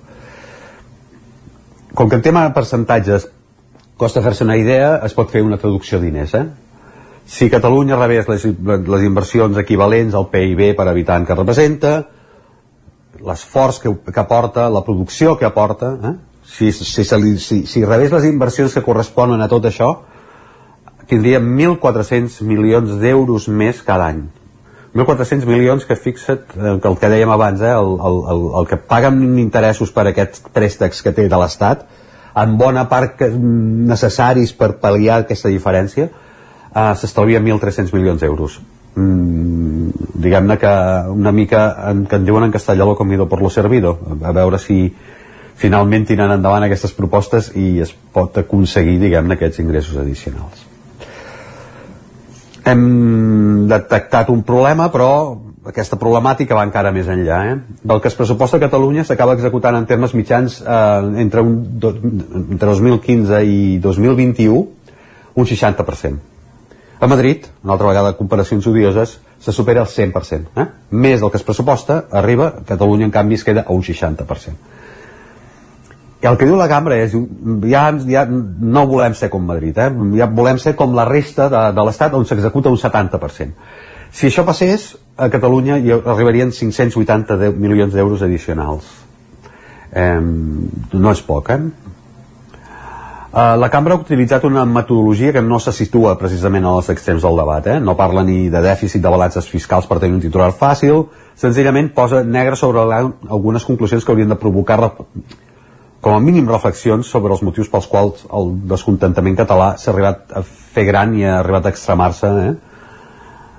um, hi ha un factor que és determinant particularment per la persistència en què es produeix Catalunya és la quarta àrea de l'Estat amb més PIB per càpita, la superen àrees com eh, amb règim fiscal propi, Navarra i Euskadi, i també Madrid, que, que també, diguem-ne, uns mengen a part per una cosa i Madrid menja a part per una altra, eh? per la capitalitat sobretot quarta, eh? mm, estem dient, però és la desena quan es comparen els recursos públics invertits per habitants i més enllà, és la dotzena si es prenen en consideració els paràmetres de l'índex de progrés social que marca la Unió Europea. Això també ho reflecteix l'estudi de la cambra. Aquestes són les dades generals, però si es tanca més el pla es podrà comprovar fins a quin punt aquest infrafinançament, que cal insistir que es produeix any rere any, eh, afecta la competitivitat del país i també els serveis que reben els seus ciutadans. A més de les infraestructures que tenen un pes important per guanyar competitivitat, el decalatge entre, Catalunya, entre el que Catalunya genera i el que rep també es fa visible en aspectes com la recerca i el desenvolupament. El que inverteixen les administracions públiques i les universitats en R més D més I representa un 0,63% del PIB i la mitjana europea és del 0,76%. La diferència eh, traduïda en euros són 303 milions d'euros. Menys recursos en innovació impliquen menys recursos en foment de la productivitat, menor competitivitat. Per tant, eh, en infraestructures i en recerca, Catalunya eh, competeix amb la mà lligada a l'esquena. Però més enllà de l'impacte sobre la competitivitat de les empreses, l'informe de la cambra també assenyala els dèficits socials que comporta aquest infrafinançament persistent. Eh, L'any 2019 Catalunya va destinar 1.524 euros per habitant a, a, a, a, aquestes, a, a aquestes polítiques socials. Eh? És un 10% menys del que va destinar-hi Navarra i un 18% menys que el País Basc. Que, aquestes dues comunitats tenen, com sabem, capacitat normativa per recaptar els seus impostos i queden fora del sistema de finançament caducat, actual, eh, caducat i manifestament millorable. Això és sanitat, eh? Sí. Um, són 396 euros menys del que pertocaria segons el PIB per càpita. Traduït en euros, 3.022 eh, milions en un any. No és pas poca cosa. El mateix exercici es pot fer en, en, doncs això mateix es pot fer en polítiques educatives i no universitàries, eh, el que tocaria en relació al PIB està a 705 euros per alumne per damunt del finançament que s'inverteix i 705 euros per als alumnes matriculats només en centres educatius públics no universitaris 623 milions d'euros una altra política social sensible, l'habitatge, eh, doncs 263 milions d'euros respecte a la mitjana de comunitats amb més recursos. Navarra, Madrid, País Basc. Juntem tot això, són gairebé 4.000 milions d'euros de diferència entre el que pertocaria per població i aportació de PIB en alguns aspectes dels aspectes socials mm, diguem-ne més sensibles, no? Per tant, no es pot obviar que... És veritat que això pot passar perquè el govern no aplica les polítiques que tocarien, etc. Eh? però no es pot obviar que en un sistema de finançament actual la quarta àrea del PIB per habitant de l'Estat es converteix en la desena en recaptació de recursos públics, en recepció, perdó, de recursos públics. Les conclusions de la cambra a partir de les dades del seu informe són prou clares, obrint cometes, el finançament de Catalunya està condicionat per un model que porta 10 anys caducat i que impedeix tenir un nivell de serveis públics de qualitat mínimament proporcional a la seva capacitat fiscal. Tornem una altra, una altra cita. Uh, fa una proposta que és passar del model molt descentralitzat en les despeses i molt centralitzat en els ingressos cap a un model que permetés a aquelles comunitats autònomes que ho desitgin assumir un grau superior de responsabilitat fiscal tant en, des, en les despeses com en els ingressos. És a dir, gestionar i recaptar tributs.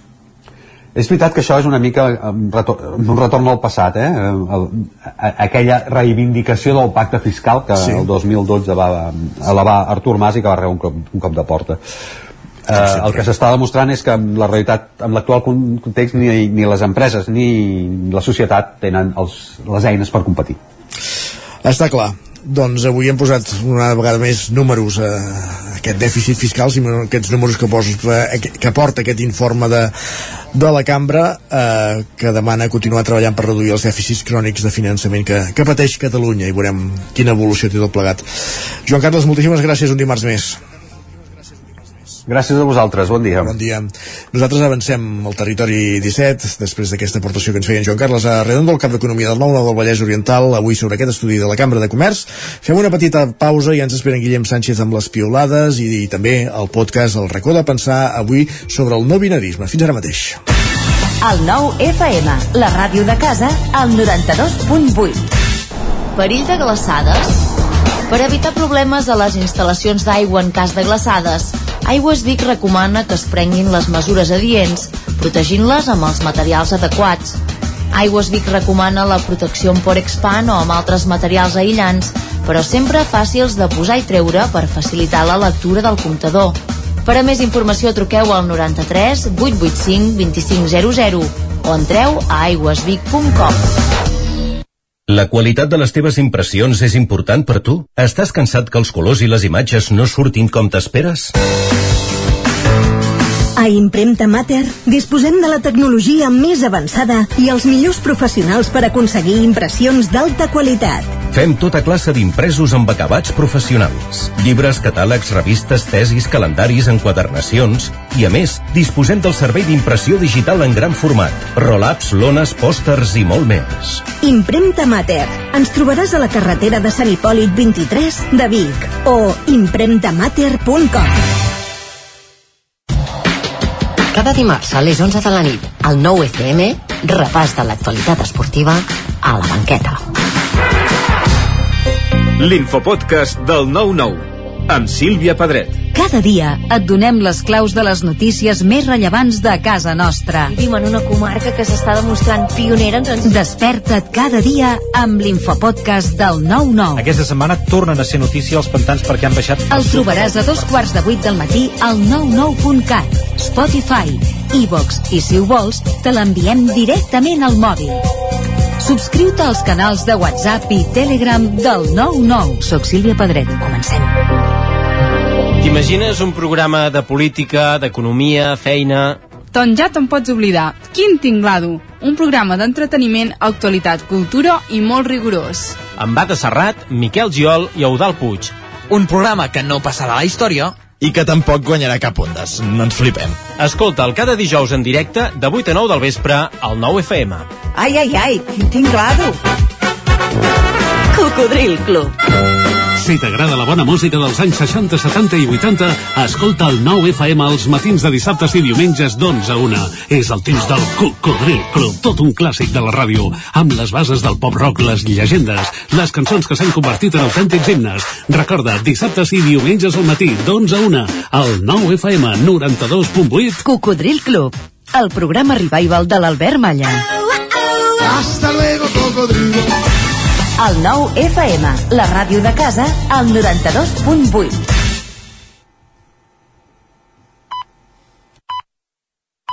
En punt dos quarts d'onze al territori 17.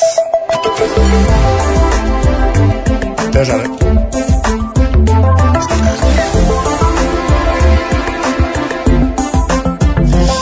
Moment per les pilades, moment per entrar a l'entorn X. Abans Twitter, Guillem Sánchez, benvingut, bon dia. Què tal, què tal, com estem, Isaac? Bé, i tu? Doncs mira, amb una mica de, de calor, sincerament. Calor? Sí. Ho fa? Bueno, sí, de fet no, no han baixat gaire les temperatures, ja se'n queixa prou en Pepa Costa. Màniga curta, màniga curta. Sempre, tot i que hi ha gent que per xarxes ho troba, no sé, una mica exagerat, potser. Veig que o... vas de blanc avui, eh? Vaig de blanc. No farem connotacions futbolístiques. No, no, no. Entesos. Va, la Marta ens diu, què és aquesta calor en ple novembre i per què hi ha gent que va vestida amb anorac i gorro de llana, per amor de, de Déu? Perquè surts al matí i fa fred. I No, clar, no, no, no, Sí. no. Podem portar màniga curta, s'ha de portar màniga curta, fins al final. Sí, eh, surt de quarts de vuit del matí de casa amb màniga curta, ja t'ho explicaré. L'Oriol ho té ben més? clar i ens diu només nece- necessito un temporal de llevant per ser feliç. Diu, no demano res més. I que, home. I que duri uns quants dies. I que duri uns quants dies o unes quantes setmanes i, Exacte. i mesos. Sí, sí. I és que a vegades la fórmula de la felicitat, Isaac, és molt i molt fàcil. Sí. En Guillem ens escriu em fa tan feliç tenir llibretes i apuntar-hi coses. Veus? Doncs mira, no? Doncs Fàcil, no? T'ho vagi passant per les papereries a comprar-la. I si no en podem ser feliços, com a mínim riurem una mica. Mireu què li ha passat a aquesta usuària. Iam. Ens diu, ja podia anar parlant i somrient al meu veí, que al final, a dos pams, ha resultat que no ho era. Us ha... no sé si t'ha passat mai això, que penses que algú t'està mirant o quan, vol... quan, quan vas perdent vista de lluny, quan vas guanyant miopia i, i no portes ulleres ni lents ni res que t'ho resolgui, i veus algú que et saluda a 5 metres, 4, 3, ah, ets tu. Ni portar ulleres soluciona a vegades moltes coses, ja t'ho dic jo per experiència pròpia. Tot això de... doncs passa per l'oculista, nano. Tot i això d'equivocacions en pot tenir tothom a la vida, el que no sé si la mare de la Carlota està equivocada o no en això que li transmet a la seva filla. Ja. Ens escriu, la meva mare em va fer creure que clicar l'idioma català en qualsevol web, caixer automàtic o màquina de TMB era el més important de la vida adulta perquè dos punts, això queda registrat i després s'ho miren. Diu, em moro, que maca que és. Llàstima que les màquines de TMB no tinguin aquesta opció. D'aquí plora la criatura. Va, i obrim ara la secció de reflexions personals. La primera, la de l'Aina, que ens diu Avui faig 22 anys, felicitats, i m'he donat que sóc l'estereotip de persona que ha estudiat coses d'humanitats barra ciències socials. Diu, faig un màster que ningú sap de què va. Diu, treballo de cambrera, torno a viure a casa dels meus pares i no accepto que potser ja no toca sortir de festa tres cops per setmana. No sé si afegiries alguna cosa més. Uh, o creus ànims, que està tot... Ànims, ànims i paciència, sí. Va, i qui també s'ha sincerat és l'Eric avui, que ens diu Soc el tipus de persona que li costa molt saber què regalar a un altre, però últimament regalo llibres i sempre quedo bé. Si més no, ho faig veure. Vaig a la llibreria, descric com és la persona i la llibretera sempre la clava. Diu, el llibre és el regal perfecte, zero dubtes. El que està bé llavors és comprar-lo a la llibreria, eh? no fer com fan alguns que després marxen i el compren via internet. És un bon consell, i més ara que vindran dies de, de, de comprar coses per gent en principi estimada. Si aneu a comprar per això intenteu que no us passi el que ens escriu la Marta. Diu, he anat al súper a comprar i quan estava pagant i m'han donat el tiquet, en comptes de, de dir gràcies, li he dit hola a la dependenta. Quina vergonya, calculo que aquest error humiliant em perseguirà durant 300 anys. A mi em passa a vegades aquestes coses que, que dic paraules que, on no toquen, en fi. Però bueno, acabarem amb dues reflexions profundes. Va, primera de la Marta, que diu, per llei d'amnistia, la de la meva amiga que perdona a tots els homes de la seva vida, la primera, Molt bé. i la Montserrat que hi afegeix la senyora que xiscla és una mostra que l'elegància és molt més que la roba. Diu, ja pots anar vestit endreçadíssim, que si vas fotent crits d'asa escanyat pels llocs no serveix absolutament de res. La senyora que xiscla eh, té a veure amb les manifestacions d'aquests dies. Em sembla, em sembla que, una, que una miqueta sí. La gent que no ho sàpiga, que busqui pels portals i per, i per X, i em sembla que ho trobarà al cap d'un scroll. Gràcies, Guillem. Va, que vagi bé. Nosaltres que avancem al territori 17, temps de podcast tot seguit amb la Maria López. Temps del racó de pensar i avui dedicat al binarisme. Maria, una setmana més, benvinguda, bon dia. En els darrers anys, la societat ha experimentat una transformació significativa en la manera com percebem i reconeixem la nostra orientació sexual i la manera en què ens identifiquem en el gènere. Aquesta evolució ha estat impulsada per una combinació de factors, com canvis culturals, moviments socials, avenços legals i, en general, una major visibilitat de la comunitat LGTBIQ+. Un dels canvis més notables és la creixent acceptació i reconeixement de les diverses identitats de gènere, més enllà del tradicional home-dona. Però no ens enganyem, encara avui la realitat no binària desafia les nostres percepcions preconcebudes sobre el gènere i ens convida a repensar en com entenem la identitat. Persones no binàries, a gènere, gender queer i altres identitats han guanyat visibilitat i les converses sobre la diversitat de gènere han estat cada vegada més obertes i inclusives. Mentre que moltes cultures i societats es neguen a moure's d'una visió binària del gènere, la nostra societat intenta incorporar, no sense complicacions, el concepte del no binarisme, que reconeix una gamma més àmplia d'identitats de gènere que no es limiten estrictament als rols d'home-dona. I si dic que no sense complicacions és perquè enmig de totes aquestes sigles que dèiem, del LGTBIQ+, no ens enganyem, hi ha qui ja s'ha perdut. I perdre's, no entendre del tot què vol dir cadascuna d'aquestes lletres, en el fons, és el de menys, sempre que hi hagi voluntat de comprendre. El problema real és directament no acceptar que hi ha altres maneres d'identificar-se. Així que avui des del racó de pensar volem il·luminar una mica la situació. Què significa identificar-se com a persona no binària? Existeixen diferents identitats dins del no binarisme? Quines dificultats experimenten les persones no binàries en una societat marcada per una dicotomia d'home-dona? Us parla la Maria López i això és el racó de pensar.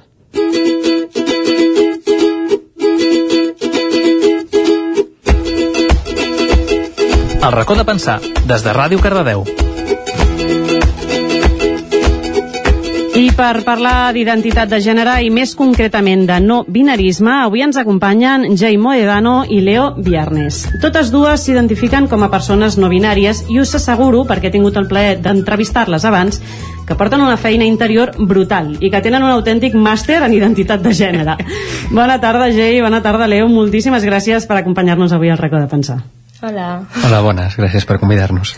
D'entrada us demanaré, a més crec que és una cosa que, que potser hauria de fer segurament molt més sovint, eh, quan, quan faig qualsevol entrevista, com voleu que m'adreci a vosaltres. Crec que, que és eh, en gènere masculí, femení, neutre. Crec que potser és una pregunta que hauria d'incorporar més sovint, segurament. Eh, com voleu que ho faci al llarg de la, de la tertúlia? Doncs a mi em van bé els pronoms masculins o els neutrals, uh -huh. qualsevol dels dos. Leo, en el teu cas? Ah, jo faig servir tant el femení com el masculí, però en general tendeixo més al, al femení. Val, doncs intentarem incorporar-ho també com a pregunta habitual en el racó de pensar a partir d'ara. Dit això, d'entrada us demanaria que, que sobretot no, per les persones que ens estan escoltant i que dèiem que a vegades dintre de totes aquestes lletres eh, es poden perdre una mica, com definiríeu vosaltres eh, sentir-se una persona no binària? Per mi ser no binari és identificar-te amb qualsevol cosa que no sigui un home o una dona, que doncs, bueno, es diu ràpid, no? Però hi ha moltes maneres d'identificar-se d'aquesta manera, hi ha moltes com, interpretacions pròpies individuals del que pot ser ser no binari, sempre i quan doncs, tu experimentis amb el teu gènere i tu prenguis com tu estàs més còmode, doncs ja està. Uh mhm, -huh. Leo, com ho definiries tu? No, totalment el mateix. Al final és una paraula molt autodescriptiva. És tot allò que no cau en el binari de gènere. Són totes aquelles identitats que no, cau, que no t'alinies nítidament amb les caselles d'home o de dona mm -hmm. i això engloba un munt d'experiències i d'identitats uh, molt diferents Quantes vegades us han dit si no ets home ni dona que ets? Uf, moltíssimes unes quantes no no tan... Normalment no amb tanta jeta de manera tan directa. Mm -hmm. És més com... Més sutil, no? Sí, més en plan, però... Clar, si no t'identifiques ni amb lo masculí ni amb lo femení tal, perquè fa servir el femení no sé què, amb, són molt preguntes de o sigui, d'això, de com una falta de comprensió de què pot haver-hi més enllà d'aquestes dues categories. Crec que has dit una cosa molt clau ara, que és, és una, un matís uh, verbal, que si no t'identifiques amb lo masculí o amb lo femení. Sí. Jo crec que potser la diferència és quan la gent entén que, que no, un no se sent ni home ni dona, no és el mateix que no identificar-se amb els rols que, uh mhm. -huh. que sí. vinculen, no?, d'alguna manera. La gent, de, per on tira, d'alguna manera, quan, quan tenen aquests dubtes, o en el cas de família més propera, no?, quan, quan ho expliques, on, on resideixen els dubtes inicials? Sempre és primer la pregunta de per què, o d'on surt això, perquè normalment és com, ah, bueno, mmm, ¿y esto qué viene? No? ¿De, uh, ¿De dónde lo has sacado? Sí, en plan, aquí, aquí li has escoltat, aquí li has copiat, eh, però bueno, no, normalment és, és molt... Bueno, a mi em feien sempre la pregunta de, bueno, pues, en plan, et maquilles, tens els cabells relativament llargs, en plan, et poses faldilles, segueixes comportant-te com el que seria una dona entre cometes, per què vols fer-nos passar per tot aquest drama que seria canviar-te el nom i canviar-te els pronoms amb els que ens referim a tu um, si et comportes de la mateixa manera? I jo crec que aquí ve molt el fet de que jo em comporto de la mateixa manera perquè sóc la mateixa persona uh mhm. -huh. però perquè visqui la meva feminitat o masculinitat de la manera en la que la visc de normal no vol dir que puguis assumir què sóc o qui sóc o com m'identifico només per la manera en la que em veus uh -huh. i d'aquí venen molts dels problemes sobretot de la meva família de, ah bueno, és que sembles una altra cosa llavors què he de fer? Aquest sembles una altra cosa, Leo, tu no sé si t'ha passat també des de la, la família, no, com, com ho va rebre en el teu cas? Des de la família no, és, és algo que reps de molts altres llocs. Sí. Amb la meva família va ser molt el... Uh, vaig tenir molta sort de que ho van rebre de manera molt oberta, però va ser una mica el... La gent està tan acostumada a pensar en caselles uh -huh. que en el moment on tu dius bueno, és que no és ni una casella ni l'altra, és com quan comença, quan aconsegueixes dir com no, però és que hi ha més coses a partir d'home i dona, hi ha altres experiències, diuen, ah, vale, vale, vale, no són dos caselles, són tres, i tu ets la casella número 3, i és com, no, necessitat és com, des, o sigui, desfem-nos de les caselles saps? Uh -huh. en plan, són e eixos en els, que tu, en els que tu et pots moure en plan, de la neutralitat a lo femení de la neutralitat a lo masculí pots estar completament en un costat en qualsevol d'aquests dos eixos t'hi pots anar desplaçant i crec que el que va tardar una mica en, en calar en, en la meva família va ser com el fet de no és que ara de sobte hi hagi la tercera categoria i totes les persones no binàries siguem aquesta tercera categoria i tots ens identifiquem amb pronoms neutres i tots ens vestim igual. És una diversitat d'experiències. I això va ser com una mica el que amb el temps ha anat calant però va, va ser com la falta de comprensió inicial. No sé si teniu la sensació que la societat li ha sigut com molt més fàcil acceptar, per exemple, la transexualitat, eh, on hi ha una identificació directa amb un dels dos sexes eh, i on sembla que, que és una mica mm, sota, cava, com és? Mm. sota cavalló rei sí. dir, bé, no? ets, ets transexual vol ser de l'altre gènere partint que hi ha dos uh, des de la mentalitat que, que només identifica dos uh, ja està en canvi en, el vostre, en la situació del no binarisme eh, aquesta complexitat, aquesta tercera casella mm. que la gent ide intenta identificar sembla que encara costa molt més no? sí. d'explicar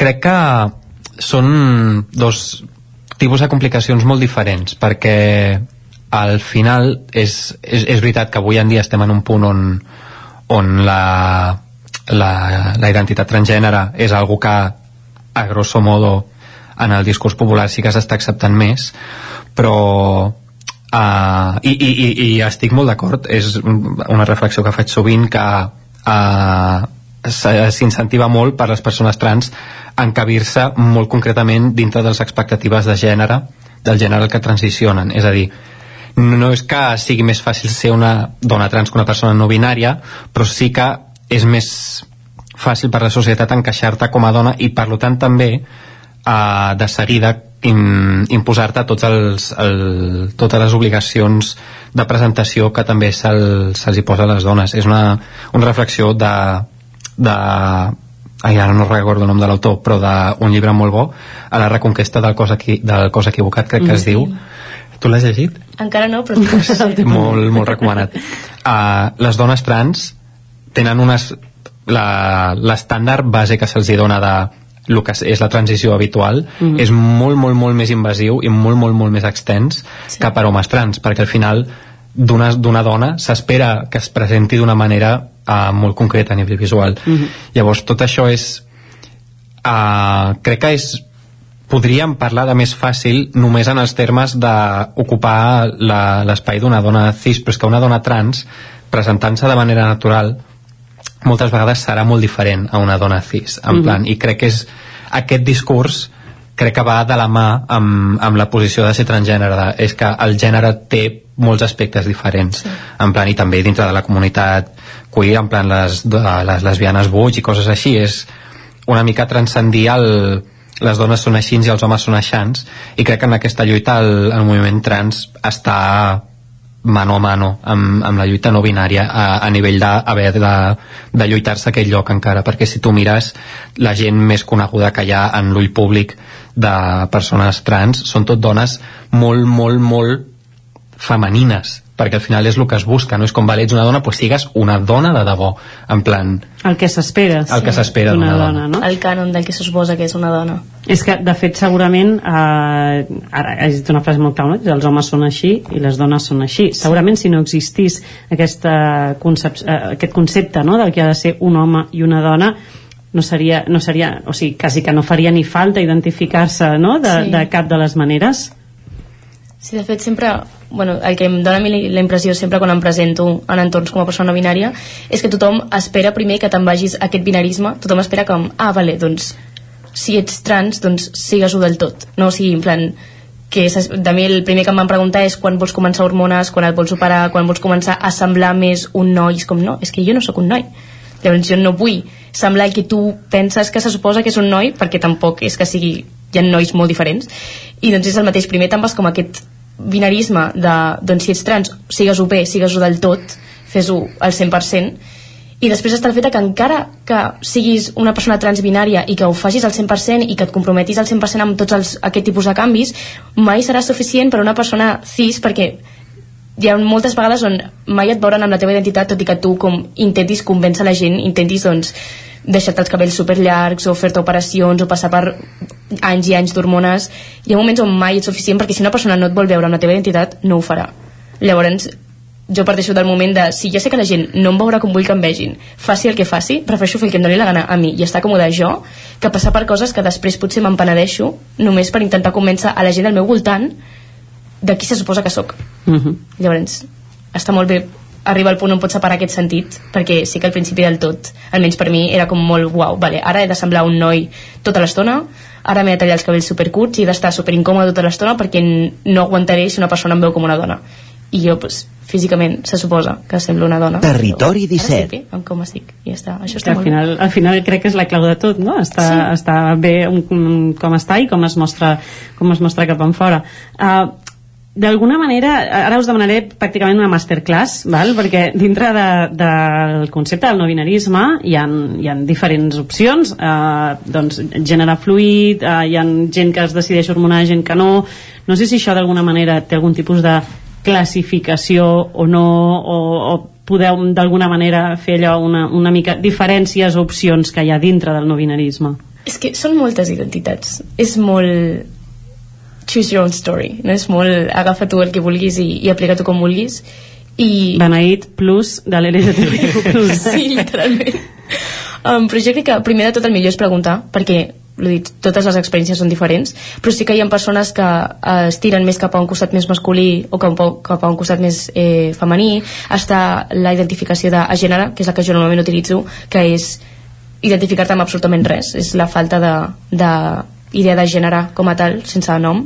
Hi ha persones que s'identifiquen amb més d'un gènere alhora, o sigui, amb més parts mm, del que se suposa que és una identitat de gènere a la vegada, hi ha persones que van fluctuant, que depèn del dia doncs tira més cap a un costat cap a l'altre, i això depèn molt de la persona, si després se sent còmode com per fer un canvi permanent, com per exemple és fer hormones o eh, fer alguna operació o el que sigui, simplement doncs, per com aquesta persona ho viu. Però Mhm. és tan, tan, tan personal que tot i que et sapigues tots els noms, sempre, jo que em, em sé moltíssims perquè he estat un munt de temps fent allà el meu research, sempre que em trobo una persona nova li he de preguntar perquè mai podràs assumir mai podràs saber-ho més perquè digui ah, doncs és aquesta identitat, mai sabràs si la viu igual que una altra persona que coneixes, que té la mateixa Clar. llavors preguntar és el més segur i és el més còmode per tots nosaltres, jo crec Uh -huh.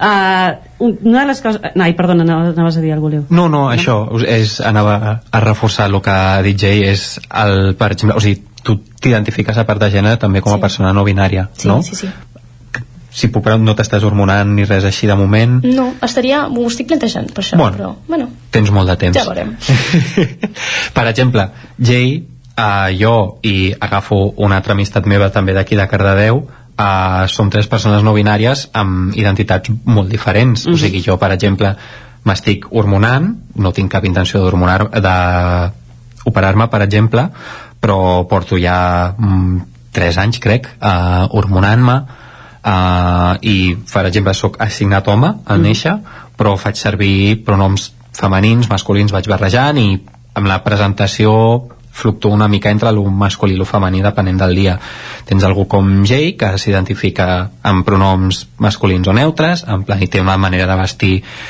tendint una mica entre lo neutre i lo femení si ho puc dir així Bueno, depèn del dia Clar, depèn del dia. El Avui, avui m'heu enganxat així, no? Sí. sí i de, de, tinc una altra amiga, per exemple, uh, que és nascuda dona, fa servir pronoms femenins i neutres, uh, es considera bollera, uh, i, però és no binària també. Sí. Al final és, es, es sobrelapen les identitats allà. O sigui, és, el no binari inclou moltes coses, és pot, és, és el que dèiem abans, és un terme paraigües, no? que de, descriu moltíssimes experiències diferents. Mm. Ara et feia referència també amb el tema dels pronoms i tornant al tema del, del llenguatge eh, com d'alguna manera percebeu quan algú s'adreça a vosaltres amb el, amb el pronom eh, que identifiquen segons per com us veuen visualment no? quan a tu t'identifiquen d'alguna manera com a noia o a tu com a noi com, com, us, com ho interioritzeu això? O sigui, genera rebuig o ja esteu com acostumats i és no, no, i has d'anar has d'anar aneu corregint a la gent amb el tema de, dels pronoms o al final ja passeu? Bueno, depèn de la persona. Clar, si és una persona del meu entorn proper, com la meva família, i de sobte se'ls escapa, doncs és com, ah, bueno, no passa res. Hi ha moments on notes si alguna persona ho està fent deliberadament perquè sap que et molesta i allà sí que t'ho prens Ja. personal, però en general bueno, clar, jo no, no soc, o sigui, no vaig pensant constantment que semblo una noia que no, en plan, que, que se suposa que és una noia um, llavors quan la gent m'utilitza pronoms femenins quan em, jo que sé, em trobo pel carrer o el que sigui em sorprèn perquè se m'oblida. Um, i després doncs, sí que els corregeixo normalment m'ho espero perquè és com, bueno, vale, no, no és una cosa que jo pugui canviar la ment dels, de la resta però sempre quan sigui una persona més o menys propera o que tingui com aquest punt de conversa mínima sí que li corregiré perquè sempre està bé educar les persones i perquè jo estic molt més còmoda d'aquesta manera i no vull permetre que ningú em falti respecte d'aquesta manera si no ho veig necessari, Uh -huh. diguéssim. en plan entorn transfòbic on prefereixo fer-me més gender a, a que alguna persona m'ataqui o el que sigui, no? Sí, sí. Però pues, sí. Sí, això últim jo uh, el, en molts contextos no quan interactuo amb gent amb la que no haig de tenir una relació personal moltes vegades no em molesto en, en, en explayar-me o sigui, amb, jo, jo em presento moltes vegades, intento evitar el llenguatge uh, generific, generificat per així dir-ho però uh, normalment moltes vegades en contextos així, a la feina per exemple uh, no, no corregeixo mai ningú perquè és tan, bueno, al final també tinc la sort, entre cometes, de que em sento còmode també amb, amb la meva part masculina, no és que sigui algo de lo que, que em causi rebuig. Mm -hmm. uh, l'únic que sí que noto és quan algú amb qui he tingut la conversa i a qui li he explicat de manera sistemàtica evita l'ús del femení. Això és algo que se'm fa molt palès, perquè, o sigui, si, és en el, si no ens coneixem i jo no t'he dit mai res, en plan, sí que parlo potser de mi mateixa en femení, però és com deixar-ho caure. I tu si vols ho reculls. En plan, i això ja em dirà molt sobre qui ets tu com a persona. Però si, si o com d'empanada viu. Clar, també, també, també. O sigui, mai, mai jutjaria algú per, en plan, si no l'he explicat per no saber-ho. Però quan és gent del, del meu entorn a la que, que sí que ho sap i de manera sistemàtica fan l'error llavors sí que normalment no corregeixo, senzillament és se'm, se'm fa palès i és, és acostuma a ser gent que després d'un temps dic potser tampoc tenim una relació tan propera ja. Mm. Què, què és el que penseu que a nivell social encara costa més? On, on resideix la, la dificultat diària, diguéssim, de viure així d'alguna manera la, la identitat de gènere? Bueno, comencem perquè el llenguatge ens bloqueja moltíssim, mm -hmm. perquè el llenguatge tant el castellà com el català eh, bàsicament està dividit en masculí i femení i estem intentant la implementació d'un pronom neutre doncs, de, de fet a l'Institut Català just a l'octubre va sortir una notícia on rebutjava d'entrada sí, sí, sí, sí, sí. la incorporació de, del gènere neutre no? llavors això ja comença uh, en contra nostra i a part d'això doncs és que, o sigui, per més que ho intentis jo no recordo mai a la meva vida que els meus pares m'expliquessin que les noies portaven vestit i els nois no o el que fos, però un cop arribes a l'escola, un cop arribes a l'institut i t'exposes a la resta de persones, per més que els teus pares ho intentin, um, acabes aprenent de segones que el món està dividit per gènere. O sigui que has de fer... O, o has d'aïllar el teu fill de tot això o has de fer tu el treball després de tirar cap enrere, fer la vista gran i dir, vale, mm, trenquem aquestes dues columnes perquè no tenen cap mena de sentit. No vull viure en cap de les dues columnes. Sí, però clar, ja comencem amb aquest sistema, doncs és molt més complicat que una persona que ja no tingui com aquesta identitat mm. i la necessitat de tancar-ho que vingui a fer el pas o que algú li vingui a explicar-li escolta, mira, podries fer això si volguessis, mm. no? És molt més complicat. Com, com canviem a la societat, Leo, en aquest sentit? Com la reeduquem? Hòstia, és una pregunta contundent, eh? Com millorem el món? Bueno, a veure... T'ha tocat, et toca, et toca arreglar el món ara? Crec que és, és hi ha moltes dificultats molt transversals uh, des del nivell lingüístic de, sí, sí, sí. on s'està intentant incorporar ara des d'un un blanqueig de la història moltes vegades perquè, si puc recuperar un moment una cosa que has dit a la introducció sí, sí. que has parlat de, de que moltes cultures no accepten mm -hmm. que hi hagi més de rols això és algo relativament modern Mm -hmm. Si tu rasques una mica molt ràpid, trobes que moltes cultures històriques tenien una diversitat de gènere infinita. I, i dic, dic cultures històriques també jo haig de canviar aquí el meu llenguatge perquè hi ha cultures que segueixen perfectament en peu avui en dia. A, a Hawaii, per exemple, es reconeixen tradicionalment tres identitats de gènere. Uh -huh. A diverses regions de Mèxic també, avui en dia, de diferents Índia, poblacions també. indígenes de la Índia. Uh -huh. si, si rasques, hi, hi havia, una vegada llegint sobre això, hi havia una una cultura a, no a Indonèsia però per aquella regió que tenien sis identitats de gènere sis diferents. identitats de gènere. I clar... sí, una cara d'emoció.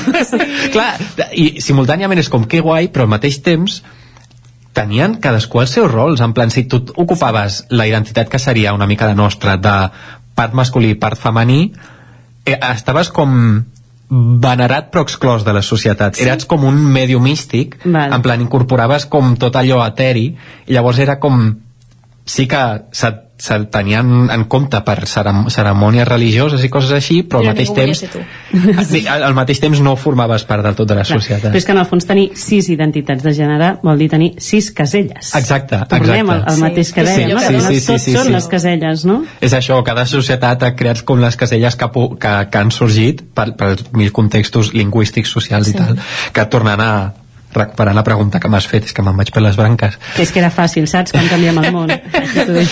Uh, crec que fent el, uh, intent, intentant fer els petits canvis en el nostre dia a dia en plan deixar la lliure expressió dels fills en plan preguntar-li a la gent la seva identitat no assumir mai Preguntar els pronoms. sí, Sí, inclusiu. petites Si coses t'ho demana, doncs fes l'esforç. i prou de dividir en nens i nenes Sí, gràcies.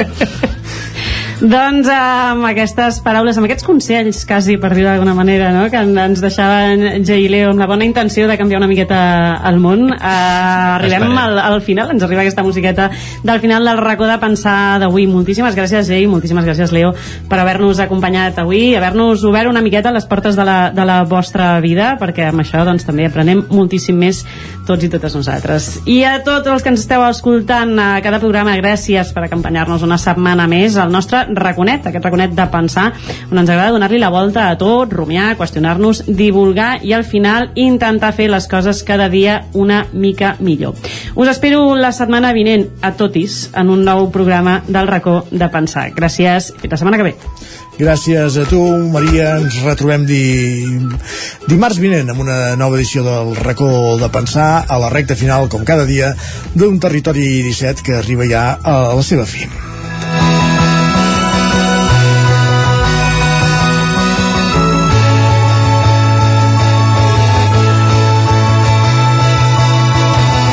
Us hem acompanyat durant dues hores des de les 9 i fins ara Enric Rubio, Roger Rams, Isaac Muntades, Pepo Costa, Joan Carles Arredondo, Guillem Sánchez, Maria López, Sergi Vives i Miquel Giol i Isaac Moreno.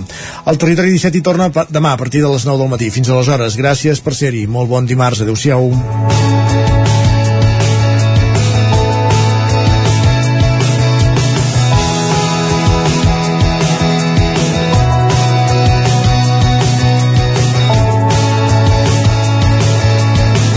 Territori 17, un magazín del nou FM, Ona Codinenca, Ràdio Cardedeu, Ràdio Vic i La Veu de Sant Joan, amb el suport de la xarxa.